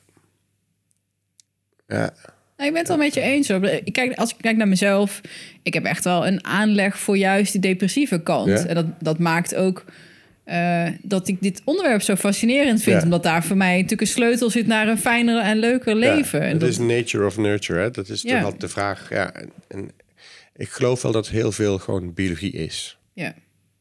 En, en ook het feit dat je daaraan wil werken. Als jij zegt van, nou ja, dit is voor mij, ik vind dat ik van mezelf eh, geneigd ben om iets negatiefs te denken of zo. En ik wil me erop trainen. Het feit dat jij je erop wil trainen, is misschien ook wel je eigen overlevingsdrang. En komt ook wel voort uit biologie. Dus het is misschien ook wel gewoon een samenspel van hormonen en wie jij bent. En daar heb je dan ook geluk mee, dat je er iets mee wil doen. ja. Volgens mij heb ik dezelfde of soort van vraag ook Paul gesteld, wat je nu aanstipt. Denk ik, ja, ene kant zeggen ze, weet je wel, Paul Smit zegt dat ook. Ja, weet je, het is wat het is. En Ja. Het is niet stuurbaar, niet maakbaar. En Berust er nou maar in. Dat is dan aan de ene kant. Maar aan de andere kant is iedereen bezig met meer geluk en zelfhulp en ontwikkeling en doelen stellen Ja. en groeien. En ik denk, ja, hoe verhoudt dat zich dan tot elkaar? Nee, ja, eh, Paul is natuurlijk, eh, eh, die is een tijdje helemaal in het non-dualisme, nou niet verzopen, maar die heeft zich daar helemaal in ondergedompeld. En toen was alles is wat het is, niks kan ooit anders zijn, dus omarm maar alles. En, eh, en nu heeft hij dat ietsje losgelaten en nu als je, als je de eerste podcasts van eh, Patrick en Paul beluistert, dan was ego ook echt een slecht woord. Dat was, eh, en dan Was is dat het, hun vertrekpunt ook, ja? en dan, eh, Oh. dan eh, ja, en dan, en, eh, nou ja, en Paul en eh, Patrick in mindere mate, maar veel collega's van hun, die praten ook over het ego alsof dat iets heel vies is. En die praten zelfs van vroeger, toen ik nog een ego had. Die vinden dat namelijk, terwijl ik spiritueel verlichte ego's. Dat zijn de ja, maar ergste. toen dacht ik van, als je nou gaat zeggen, vroeger toen ik nog een ego had, nou, dan heb je pas een ego. Als je gaat beweren dat je nu geen ego meer hebt. ja, zeg maar. ja, kijk mij eens even egoloos eh, Precies, zijn. ja. Het summum van ego. Ik heb echt het hoogst haalbare bereikt. En dat is geen ego meer hebben. Dag, dag ook alle mensen onder mij. Ja, dag alle dat mensen onder moet mij. ook allemaal weten en horen van mij Ja. dat ik geen ego heb. Ja, onzin. dit, dus, maar, dus in die, in die, in die non-dualisme hoek is ego wel heel lang een, een vies woord geweest. En ik heb altijd gezegd, ja, maar ook al gaat alles zoals het gaat. Stel nou, eh, ze hebben altijd de metafoor van een steen vliegt door de, eh, eh, een steen gaat door de, vliegt door de ruimte. En als ik die steen ben, dan zeg ik, ik vlieg. Terwijl jij wordt gegooid. Je doet zelf niks. Hè? Jij wordt gegooid, je hebt helemaal geen invloed. En het is het bewustzijn dat dan zichzelf wil wijsmaken. Ik doe dit, ik vlieg. En ik zei iedere keer tegen Paul en Patrick... Zeg maar, maar als ik nou die steen ben... en ik heb de illusie dat ik het zelf doe... en ik word daar gelukkig van, was daar mis mee? Ja, niks. Dat is volgens mij toch ook de... Dat is, dan, als ik daar, dat is toch prima? Ja. Daar heeft toch niemand last van? Als die stenen gaan mopperen, godverdomme, ik vlieg. Ja. Dan kan het verlichting... Oh ja, maar dat was ik niet. Dat deed iemand anders. Ja. Oké. Ja, bij negatieve dingen is het fijn om te zeggen... ja, het kon toch niet anders zijn dan dat het was. Maar als ik nou kan genieten van iets... als ik nou mezelf kan toedichten dat het door mij komt... of door mijn actie... dat is volgens mij gewoon een, een soort biologisch dingetje... dat je daardoor fijn voelt of Ja. zo. Eh, sterker nog, eh, het is bij grote bazen van bedrijven zo... als het bedrijf goed gaat, dan, dan dat komt omdat de directie... een bepaalde beslissing heeft genomen. Die hebben bepaalde mensen eruit gezet. Die zijn andere koers gaan varen. En als het bedrijf slecht gaat, dan zeggen ze ja, het is recessie. Dan ligt het ineens buiten hun. Dus ja, soms dicht je ego iets toe dat je het zelf doet. Vaak in fijne situaties. En als iets fout gaat, dan zijn het vaak de omstandigheden die het hebben gedaan. Ja. En dat is allemaal ja. van die... Niks mis mee psychologische overlevingsmechanismen. Ja, ik denk om ons vooral goed te dat laten voelen. Ja. Ja, en ik denk dat dat het is. En, eh, en, en Paul zat ooit helemaal in dat non-dualisme van je kunt op niks invloed hebben. En, en eh, nu zegt hij ook al van ja, natuurlijk, je kunt wel dingen sturen. En al kun je het niet, dan is het fijn om te denken dat je het kunt. ja, precies. En eh, dus, dus een soort realisatie eh, bij eh, dat, dat je wel met een werkelijkheid te maken hebt of zo. Mm. Ja, een lampje uit. Ja, dan wordt hij vrolijk gestofzuigd en vergaderd. Dan gaan we in het donker verder. ja, kaarsje erbij. nou, wat grappig. Dat, ehm, want ik, ik heb natuurlijk even kort voorbereid. eh, ja, we- Ja. het was een super kort dag natuurlijk. Ja. Oh, eh, kan je donderdag? Oh, Oké, Ja, omdat natuurlijk. Oh, zijn we Kijk, we hebben licht. En er was licht. We zijn dag- verlicht. Eindelijk. Dat was het. Dit was er voor Ja. nodig. Een gesprek Nee, in Almelo. en in en omdat ik, eh, eh, ik... Ik ben nu toevallig hier in de buurt. Oh ja, maar waar ik naartoe wilde. Want Ik was benieuwd naar waar je, waar je jezelf een beetje toe rekent in die. Ja, qua stroming of wa- wat voor Ja. filosofie of levensvisie jij. Ik geloof niet dat succes een keuze is. Ehm, ik geloof ook niet dat alles gaat zoals het gaat. Ehm, ik geloof dat het ergens tussenin zit. Ik geloof dat je heel veel geluk nodig hebt in je leven. Dat er heel veel toeval is. Ehm, en dat je een beetje kunt manipuleren door kansen wel te zien die anderen niet zien. Eh, wat we straks zeiden, je, je, eh, selective exposure, je had een andere term voor. Dat je een bepaalde kansen op je pad leert herkennen of niet. Eh, waardoor je misschien wel andere mensen net een stap voor bent. Ja. Dus dan heb je misschien wel meer kans op succes of meer kans op eh, geluk. Of, eh, Maar ik ben niet zo heel radicaal. Ik, ik probeer altijd een beetje. ehm, Ja, ik ben ook heel erg van gezond verstand en van biologie of zo. Ja, Maar ja, dat is natuurlijk ook maar gewoon een, eh, een, iets wat je aanhangt. ja. En de reden waarom ik in het begin vroeg van hè, hoe reageert dan zo'n iets oudere of een iets jongere zaal? Een paar jaar terug vroeg ik aan mijn moeder van hey mam, het is ook net een beetje begonnen met de hele eh, stuurbaarheid, zeg maar, Mhm. Ja. persoonlijke ontwikkeling. Van joh, stel dat geld geen issue zou zijn. Mhm. Wat zou je dan het liefste doen? Was je verpleegster of, of Ja. eh, huisvrouw? Of weet je wel, gewoon, I don't know. En echt zo'n blanco blik. Mhm. Geen idee, nooit over nagedacht. Ik vind het eigenlijk ook een beetje een belachelijke vraag. Zo van, was dat even een vraag? Terwijl wij dat eigenlijk ons continu afvragen. Ook Ja. van, oké, hoe, word ik gelukkig? Wat, wat, is nou, wat is nou mijn passie? Wat moet Ja. ik doen in het leven? En doelen stellen. En, Maar ehm, hoe stelde je de vraag precies aan je moeder? Stel, vroeg dat, haar van, hè, want stel dat geld geen rol zou spelen. ja, zo van, wat zou je nou eigenlijk het liefste doen Ja, met je leven? Maar, maar als je nu eens nog naar de eerste zin eh, gaat. Stel dat geld geen rol zou spelen. Wie beslist dat geld een rol speelt? Mhm. Wij met z'n allen, collectief. Ja, dat hebben jouw ouders eh, ook besloten. En jouw moeder heeft, eh, heeft dus gedacht, ja, maar geld speelt wel een rol. Dus die vraag stel ik mezelf nooit. Ja. Maar vind je het belangrijk om elke maand eenzelfde soort salaris te hebben? Of, wil je, of vind je het oké om onzeker te zijn over geld? Of vind je het oké om minder geld te hebben? Het zijn vaak... Het komt niet in ons op om überhaupt die vraag te stellen. Dat is heel gek. Ja. Ja, het was ook echt zo... ik heb nooit antwoord op gehad Ja. ook. Maar ik dacht, nou, gewoon wel interessant om te weten. Ik bedoel, als je dan naar jezelf kijkt... dat je, je rolt overal maar gewoon in Ja. en je doet de studie... en je weet, het zal allemaal wel. En eigenlijk nu pas denk ik... oh ja, nu weet ik wat ik leuk vind. Maar daar had ik Ja. wel eerst mm, 38 jaar levenservaring voor nodig... om erachter te komen. Maar je hebt, je hebt wel... ehm, ik zeg niet dat alles... Ik vind dus niet dat succes een keuze is. Maar ik denk wel dat je overal keuzevrijheid in hebt. Dat wil niet zeggen dat je altijd de goede keuzes maakt. Maar... Oh, er is een, liedje van Ernst van der Pas. Oeh, dan moet ik even gaan graven in mijn geheugen, hoor. Ehm, het gaat over... Ah, kak. Het, dat, dan ergens in ergens van de pas is een oud collega van mij. En die is eh, een tijdje terug gestopt. En nu treedt hij af en toe weer op. Maar ik vond hem altijd briljant in teksten. En hij heeft ergens in een liedje een stukje over waar vroeger eh, het schoolplein had gestaan met een grasveldje waar hij buiten had gevoetbald. Daar staat nu een groot kantoorpand met spiegelende ruiten. En, dat is, en iedereen zit daar nu binnen te werken. Maar als hij zelf mocht kiezen tussen voetballen, nee, tussen werken achter glas of voet- voetballen op gras, dan zou hij kiezen voor het laatste. Met grasveldjes weg. En, in...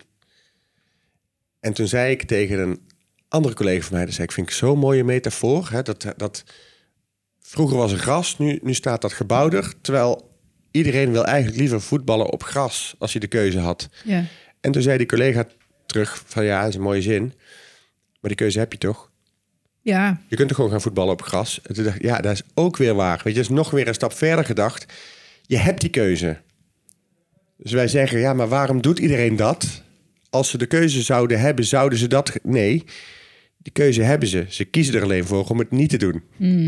Dat is dom.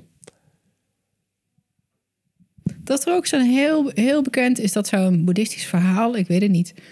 Zo'n vissers, zo'n man met een vissersbootje Ja. die dan gevraagd wordt van, maar wil je dan niet een grotere Ja. boot en meer vis, zodat Ja. je, want en dan waarom, waarom, ja, en uiteindelijk dan, zodat je meer geld en waarom wil ik meer geld en dan kan je meer doen wat je leuk vindt. Ja. Maar ik doe toch al wat ik leuk vind. Dan kun je lekker straks, als je 65 bent en heb je zoveel geld verdiend, kun je de hele dag lekker in de zon gaan zitten vissen. Ja, dat doe ik nu toch al. Ja. Mijn kleine bootje.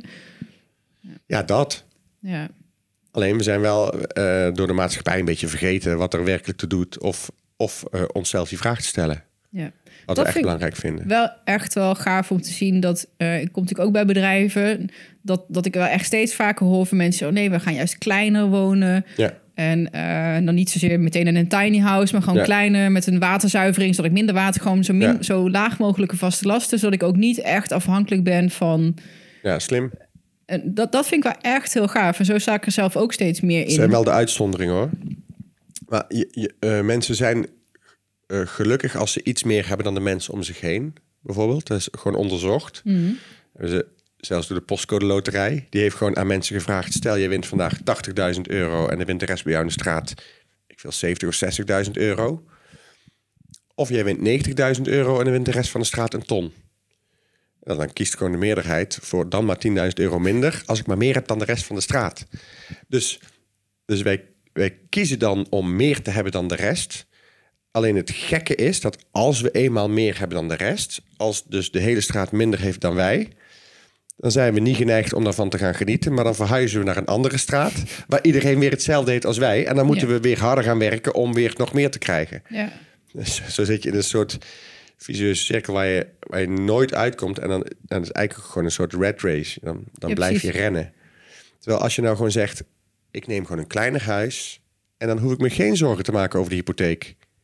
hey, dat is ook een oplossing. En iedereen zou daar, of veel mensen zouden daar gelukkiger van worden... maar het komt bij bijna niemand op. Ja, en da- da- daarom vind ik des te Ja. gaaf om te zien dat, weet je, dan, dat je dat dan dat ik dat af en toe dat in het wild hoor, niet van de mensen met Ja. wie ik spreek, maar want dat ik zit in mijn eigen bubbel natuurlijk van mensen die dat dan belangrijk, en fijn en leuk vinden. Maar ehm ja, heel tof. Ja, maar er zijn ook collega's van mij die, die verdienen dan ineens heel veel geld. En die kopen dan ook ineens een huis waarvoor ze alsnog een dikke hypotheek moeten afsluiten. En dan moeten ze dus ook altijd hard blijven werken, omdat het huis net iets te duur was voor wat ze eigenlijk verdienden. Ja. En maar, eh, verdien nou gewoon eerst het geld en geef het dan uit. En eh, kijk wat je kunt. En maak het jezelf ook niet. Want je legt jezelf ook een druk op als je al die doelen veel te hoog stelt. Hoe zit dat bij jou? Waar, waar heb je voor jezelf een soort van cap? Zoals, oké, dit wil ik nog bereiken. Of tot hier ga ik. Of hoe balanceer je dat voor jezelf?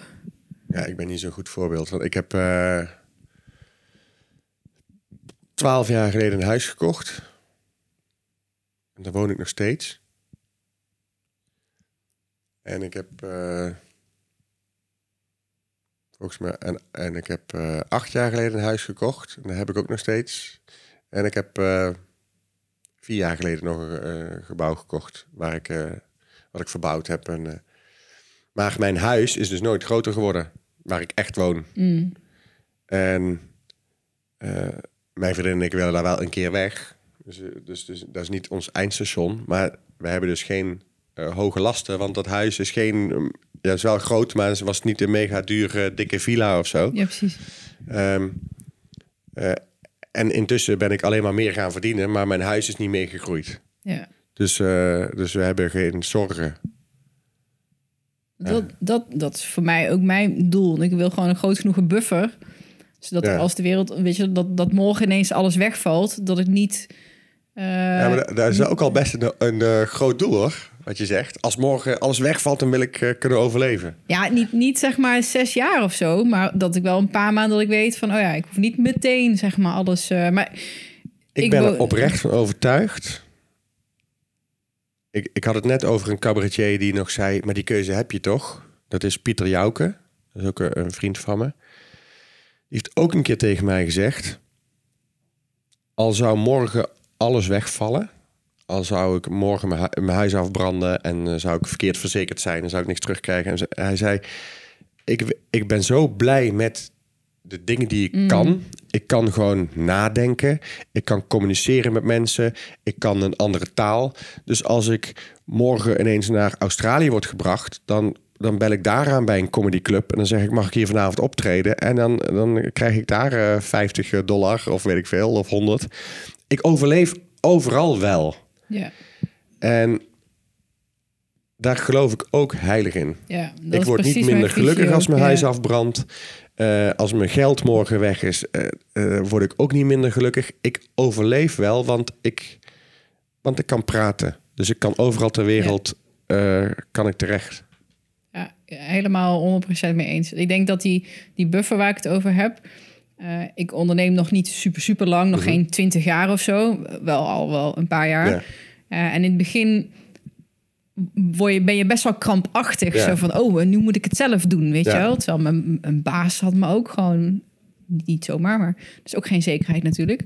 Dus dat, dat, dat is een soort van kunstmatige zekerheid creëren... zodat je in veel meer van in flow en in rust en in vertrouwen Ja. kan ondernemen. En dat punt ben ik nu. En dat voelt wel heel erg fijn. Dat is wel belangrijk, want eh, mensen die een vaste baan hebben, die doen dat vaak om een bepaalde rust te hebben. Eh, Die kunnen niet de stress aan van die dingen zelf moeten regelen of de onzekerheden als Ja. ze geen inkomsten zouden krijgen of zo. En die worden ineens door een baas ontslagen. Ja, eh, oh ja, hadden we niet zien aankomen. En dan hebben ze alsnog die stress. Maar volgens mij is het de truc om als ondernemer of eenmanszaak of weet ik juist die onzekerheid. Oh ja, sommige mensen noemen het onzekerheid, of, maar je kunt ook zeggen flexibiliteit. Ja. Hè, of eh, vrijheid. Dat je soms een week eh, super druk hebt en dan een week niks te doen. Ja, dat hoort erbij. Om dan niet van in de stress te Ja. schieten, maar om dat als een soort voorrecht te zien. Ja. Maar volgens mij is dat eh, in dat boek Anti-Fragile zo, dat juist Ja. de, de, de, degene in loondienst kwetsbaarder is als de Ja. ondernemer die eh, dan wel, dan niet, omdat hij ook gewend is om daarin te navigeren en, Ja. en, en altijd op zijn creativiteit en zijn vindingrijkheid wordt aangesproken om er wat, Ja. maar wat mee te doen. Zo'n Maar het vraagt natuurlijk ook nog wel wat om er daadwerkelijk 100% op te vertrouwen. Als, je, als je echt vertrouwt van het komt allemaal wel goed, ik overleef wel. ja, Dat, dat is natuurlijk ook wel een van de grootste opdrachten die er is. Ja. dat, eh, maar als, dat een, als je dat eenmaal. Dus het is ook een soort gehechtheid die je moet loslaten aan alles wat moet of zo. ja. Ja, ik denk als je, als je dat loslaat, nou oké, en dan brandt mijn huis af, ja, nou, zijn spullen. Als je daar geen gehechtheid aan hebt, dat maakt het al een stuk makkelijker. Mm. Als, eh, als jou iets overkomt, dat je daar geen label aan plakt van, oh, het is karma of het moest mij weer gebeuren. Nee, maar het is gewoon, ja, omarm het maar en deal er maar mee, improviseer maar in je leven. Ik denk dat als je dan gewoon vertrouwt op wat je zelf kan, maar echt, dus niet naar iedereen roepen, kom maar goed, ik ga dat doen, maar gewoon echt, gewoon oprecht vertrouwt dat jij wel overleeft en dat je dat allemaal oké vindt, ja, dan, eh, dat is fijn. Dat dat doet is, natuurlijk bijna niemand. Hè? Ik dat zeg is niet wel dat echt geluk ook. Want volgens mij dat ben je dan in de kern... rust, zorgeloosheid. Ja. Ja. En er heeft natuurlijk niemand 100%. Weet je, nu lijkt het net alsof dat moet je doen, want ik heb nee, heb ik ook niet natuurlijk. Maar dat is natuurlijk wel waar je wat fantastisch zou zijn, toch? Als je Je zegt, ik heb dat niet, maar dat weet ik niet. Volgens mij... ik heb het een heel eind, maar je kunt dat nooit 100% hebben, denk ik. Ik, Ik kan me niet voorstellen als mijn huis afbrandt dat ik dan denk, oh ja, boeien. Ik denk toch heel even, ai, hoop gedoe. Ja, dat. Maar Dat heeft niks te maken, niks te maken. Ik heb anderhalf jaar terug heb ik mijn huis verkocht. Ja, Ik heb allemaal spullen weggegeven. Op mijn bed en mijn wasmachine en wat keukenuitrusting na. ja. Eh, en toen ben ik maar gewoon in de auto gestapt en gaan, gaan reizen. Dat gevoel van ik heb niks. Briljant. Ik wist dit niet, maar wel briljant. Maar je bent echt een uitzondering. Dit Dat durft bijna niemand. Ja. Maar dat gevoel, ik kan dat niet uitleggen hoe... Vrij. Oh. Ja. En ik woon nu anti-kraak. Vind ik, Ja. En in het begin vond ik dat heel eng. Oh, ik kan er misschien elke maand uit. Dat heb ik ook heel lang gedaan. Maar nu denk ik, ja, weet je, kijk naar mijn vaste lasten... en wat voor een fantastisch mooie plek ik zit. Ja. Ja, jeetje, ik zou het niet willen missen. Nou, dan moet ik straks hier weg. Misschien komt er nog een vele Ja, mooiere precies. plek. Maar dat Ja. heb ik nu geleerd. Zo van alles Ja. wat je bang bent om los te laten. Ik was bang om dat huis te verkopen. En want acht jaar, nou ja, toen dus twaalf jaar Ja. geleden gekocht. Helemaal verbouwd, helemaal zoals ik het hebben wil. Weet je, je Ja. denkt, oh, weet je, na je studie, werken, de hele stappenplan was ik aan het het volgen. af. En dan is het af en is het klaar. Maar eh, eh, weet je, dus dan ook niet. Nou, verkopen. En dan is het natuurlijk heel erg eng van, oh, wat dan? En dat was heel erg zo'n strijd van, oh mijn god. Ik kan nu twee perspectieven kiezen. Eh, de ene is, ehm, oh, je hebt geen huis, je hebt geen vriend, je hebt Mhm. geen spullen, je hebt geen baan. Eh, jeetje, nou, eh, je ligt in de goot of zo. Ja. Terwijl aan de andere kant kun je het perspectief kiezen. Maar jezus, ik heb alles ligt nu open. Ja, uiteindelijk bijna alles wat jou echt blij maakt, dat past gewoon in een koffer of in een rugzak. Ja, En eh, dus je kunt, tenminste voor, voor mij. Ja. Misschien dat er echt wel mensen zijn die zeggen: ik, ik ben heel ongelukkig als ik mijn auto mis. Of als ik. maar voor mij is. Ja, en die wil ik wel eens uitnodigen om eens echt gewoon dat, dat- volgens mij kan je dat echt gaan. Ja, je, je mist het omdat het je vervoersmiddel is om ergens te komen. Maar als je dat Ja. niet hebt, Nee, iedereen, iedereen eh, of iedereen, eh, ik ben heel erg zwart-wit nu. iedereen wil altijd maar spullen verzamelen. allemaal. Nee, nee, ik, ik eh, reed laatst een... eh, mijn vriendin en ik zitten in de auto en we rijden een parkeergarage in. En er stond heel groot, eh, laat niets van waarde achter. En eh, dus ja, in de auto. Dat bedoelde ze. Maar ik zei tegen mijn vriendin, ik zei... je moet op deze wereld juist wel iets van waarde achterlaten. Het is toch leuk om iets, mensen iets te geven wat waardevol is... Jij dacht dat je even een zwaar filosofische statement daarin die. Ik zei, laat niets van waarde achter. Juist wel, juist wel. maar eh, volgens mij is dat, is dat ook een, een denkfoutje in de maatschappij. Hè? Eh, Bescherm al je spullen. Bescherm alles wat je hebt. Deel zo- weinig mogelijk. Zorg dat je niks kwijtraakt. Terwijl, Mm. ja, ja. Deel gewoon alles lekker. En je hebt niet zo heel veel nodig. Ja. ja, misschien ben ik daar ook wel een uitzondering in. Maar ehm, Ja, weet ik wel zeker. De backpackers en, en de mensen die het lef hebben om, eh, om eh, soms eh, eh, hun lijntjes met het verleden door te snijden. Of die bijna weer blanco de toekomst tegemoet durven te gaan. Dat, dat zijn er weinig hoor.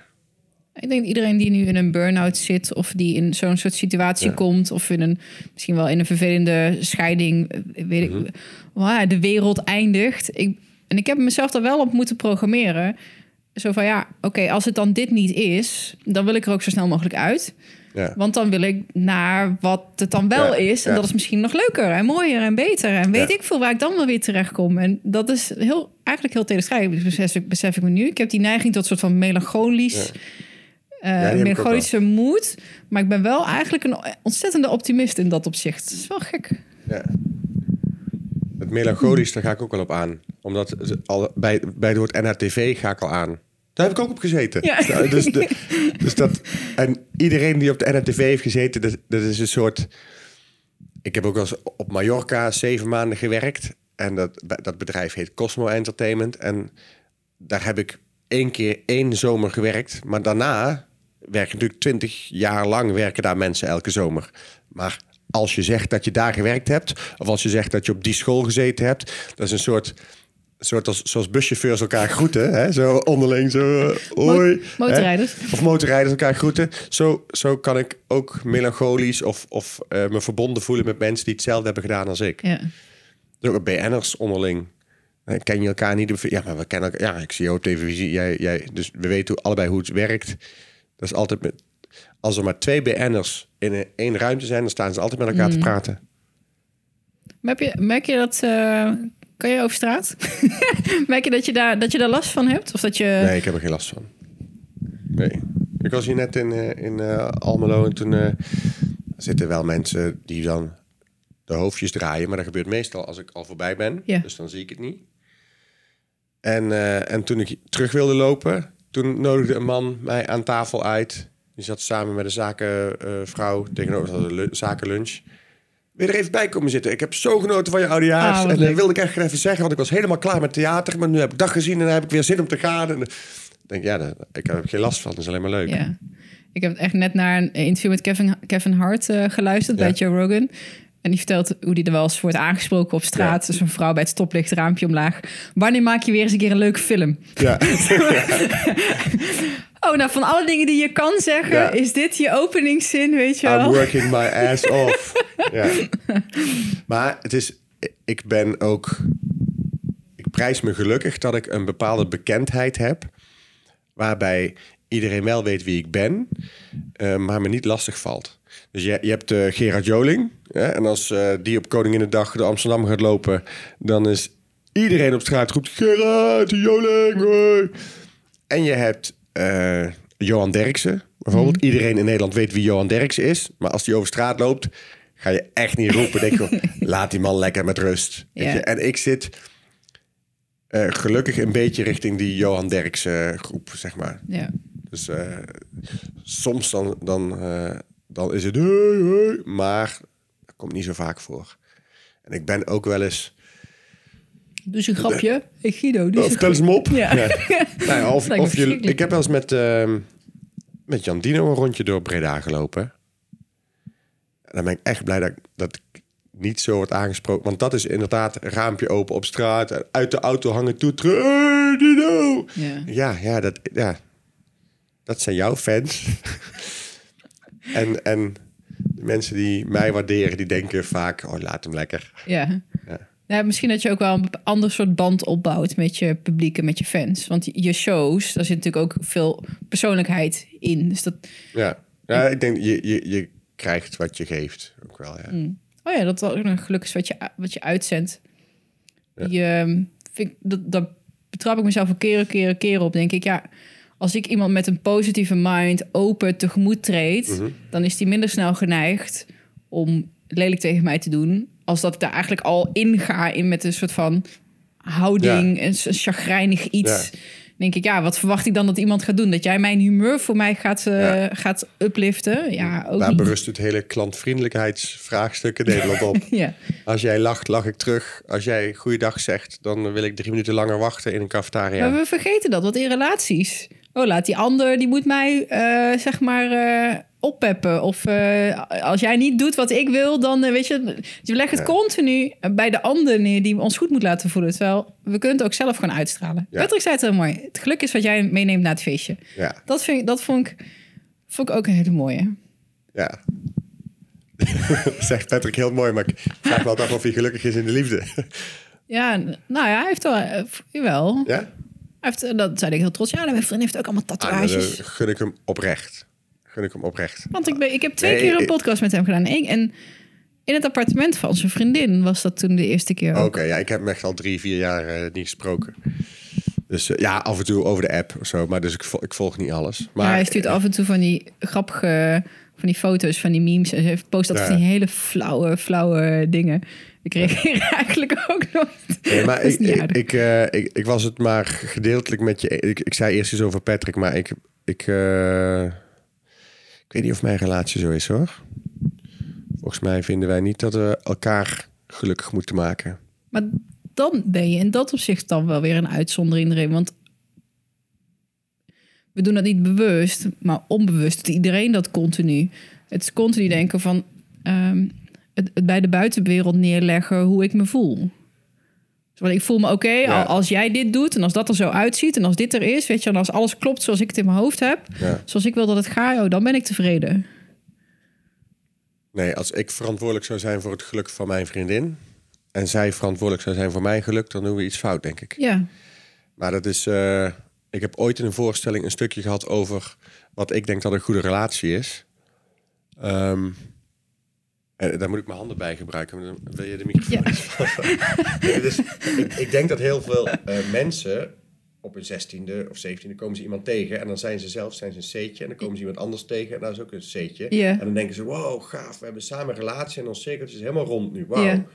En dan na, ti- eh, na tien jaar eh, gaat, het, eh, gaat de relatie uit. En dan komen ze erachter dat hun cirkeltje nog niet rond is, hun eigen cirkeltje. En dan hebben ze dus iemand anders weer nodig om dat cirkeltje rond te krijgen. En als je iemand anders nodig hebt om jouw cirkeltje rond te krijgen, dan ben je zelf dus niet gelukkig. Volgens mij is het veel fijner om zelf te weten wie je bent, zelf je cirkeltje rond te hebben en dan iemand tegen te komen die dat ook heeft. ja. Want dit lijkt mij een veel betere basis voor een relatie dan dit. Ja. Want hier ben je altijd ja afhankelijk van elkaar. Mooi om, om hem gewoon aan je ontwikkeling te koppelen. Dat duurt ook al even voordat je weet wie je bent, eh, Ja. eh, wat je wil, waar En je, je voor hoeft staat. natuurlijk nooit helemaal. je, Als je, als je echt helemaal rond bent, misschien is dat wel het moment waarop je dood moet gaan. Mm. En misschien is pas, pas die seconde voordat je je ogen sluit, is het cirkeltje misschien pas echt helemaal rond. Mm. Maar het is wel fijn als je niet te afhankelijk bent van de ander. Ja. Ik, ik heb het in de podcast al vaker benoemd, maar ik zit in een open relatie, Mhm. polyamoreuze relatie.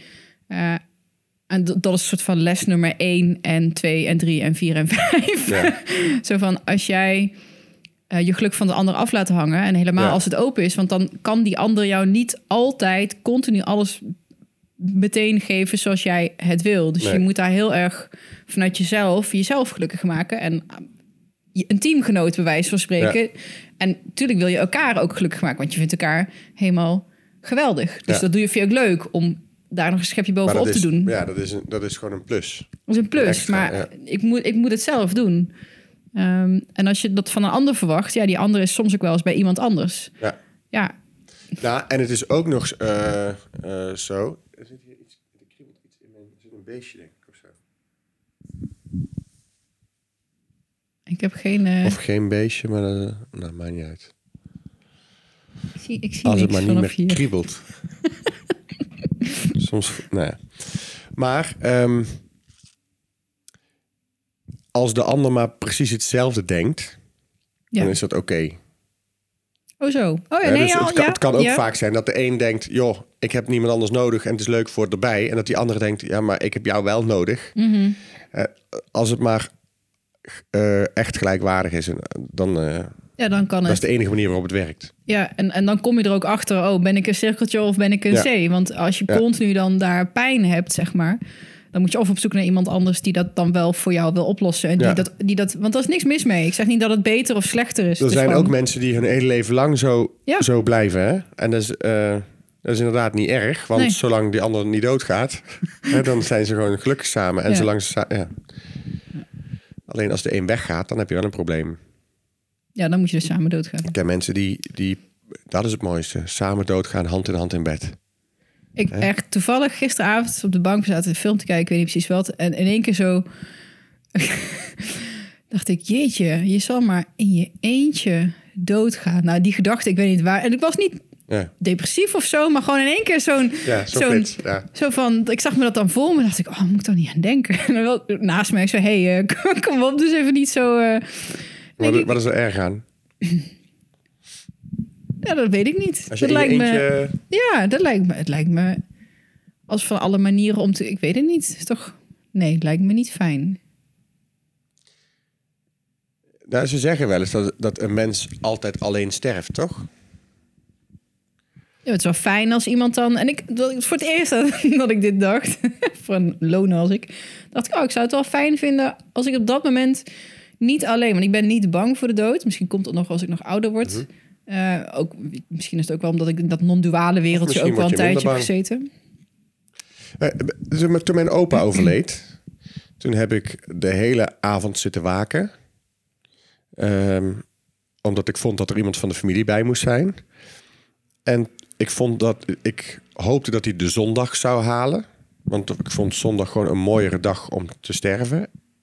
En iets in mij zei dat. En om vijf over twaalf zeg ik tegen mijn opa... Nou, je hebt in ieder geval de zondag gehaald. En ik loop de kamer uit om koffie te halen. En ik kom terug en hij is weg. Echt?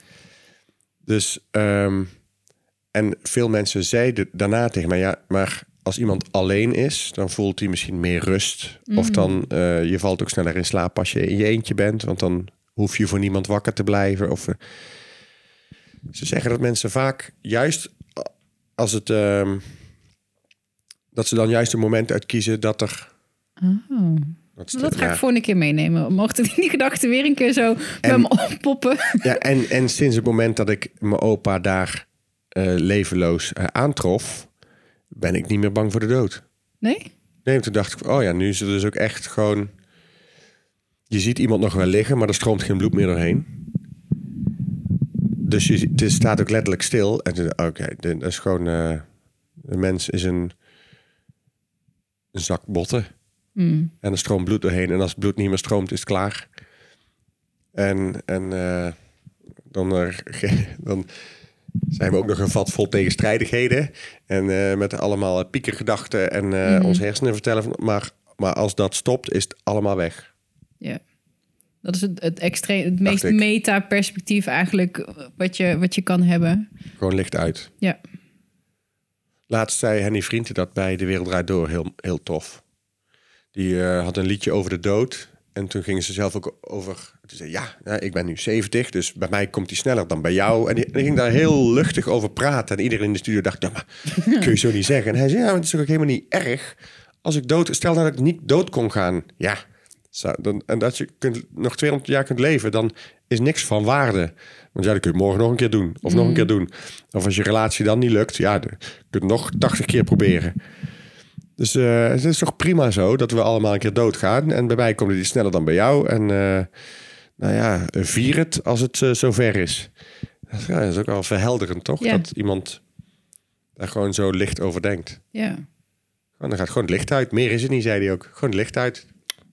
Ehm, volgens mij was dat Jan Geurts. K- Weet je wie dat is?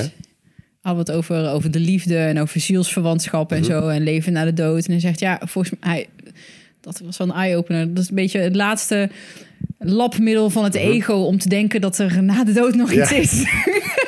Ja, nou, Ja. Dat, En een zielsverwant waar je naartoe terugkeert. Ja, dat is ook een soort, misschien wel een, een projectie die we zelf maken uit angst. Van, ja, eh, en dat is, dat is ook de reden, of een van de redenen, dat steeds meer mensen zo gelukkig willen zijn in dit leven.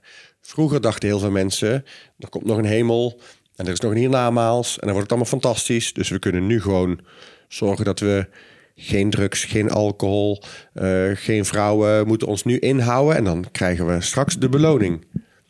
Maar ja, hey, als jij niet denkt in een hiernamaals of, eh, in een hier, of in een hemel, Mm. maar je denkt alleen maar, ja, er is alleen maar een hier numaals.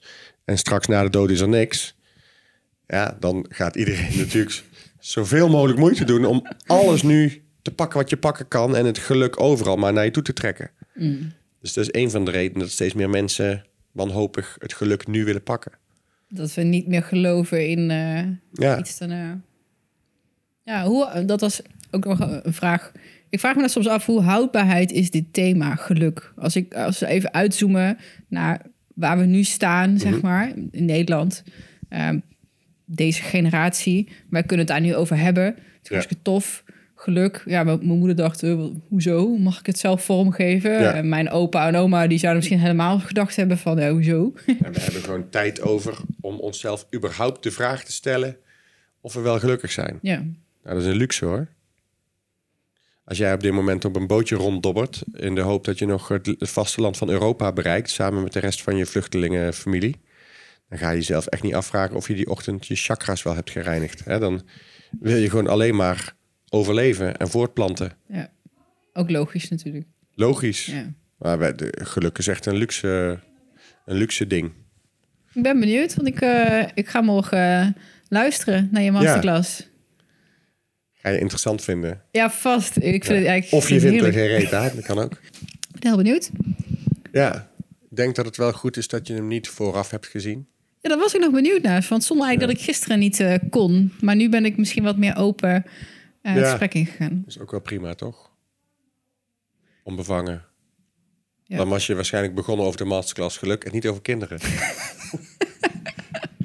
ja, dat is zo.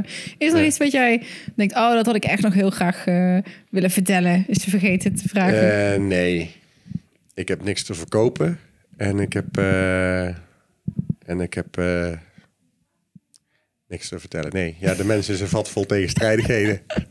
Die hoorde ik mezelf net zeggen. En toen dacht ik, oh ja, dat heb ik ooit geleerd op... was volgens mij de eerste les psy- psychologie in... bij mijn studie maatschappelijk werk of zo. Dat er mensen een vat vol tegen Ja, ik hoorde mezelf zeggen, de mensen is een, vat, eh, is een, is een zak botten of zo. Oh. En toen zei ik erachteraan, en we zijn ook een vat vol tegenstrijdigheden. Ja, dat is, maar dat is uiteindelijk natuurlijk waar alles op neerkomt. Ja. Een zakje, nou ja, we zijn een zakje DNA wat, wat, wat, Ja. wat wil voortbestaan. Ja, Ja. ja en nou, en dat zeg jij. ja. En, en jij hebt geen kinderen en ik heb geen kinderen. Nee. Dus, in, dus zelfs dat is niet altijd waar. We willen misschien wel voortbestaan, maar we planten ons... Nou, maar Ja, het- wat jij doet ook, je laat wel iets van waarde naar. Dan wellicht niet in de vorm van een kind, maar wel in, in de, de boodschappen Ja. die je hebt. Maar dat is niet dat je DNA dan door, doorgaat. Nee. Ik zou het zo... a- Als je zegt, wat, wil, je nog, wil je nog iets zeggen? Dan, zou, dan vind ik die van... eh, laat niets van waarde achter. het zou zomaar kunnen zijn dat Ernst van der Pas daar ook ooit iets over heeft gehad. Dat je juist wel iets van waarde moet achterlaten. Het zinnetje komt me ergens zo bekend voor. Laat niets van waarde achter. En juist wel. Mm. Doe iets leuks voor de wereld of voor de mensen om je heen. Kost vaak weinig moeite. Ja. Doe iets. Nou, dat vind ik een mooie boodschap. Doe vandaag, degene die dan zit te luisteren, doe even iets leuks, iets liefs, iets aardigs voor iemand anders. Ja, Ja. voor de wereld of voor iemand anders. Ja.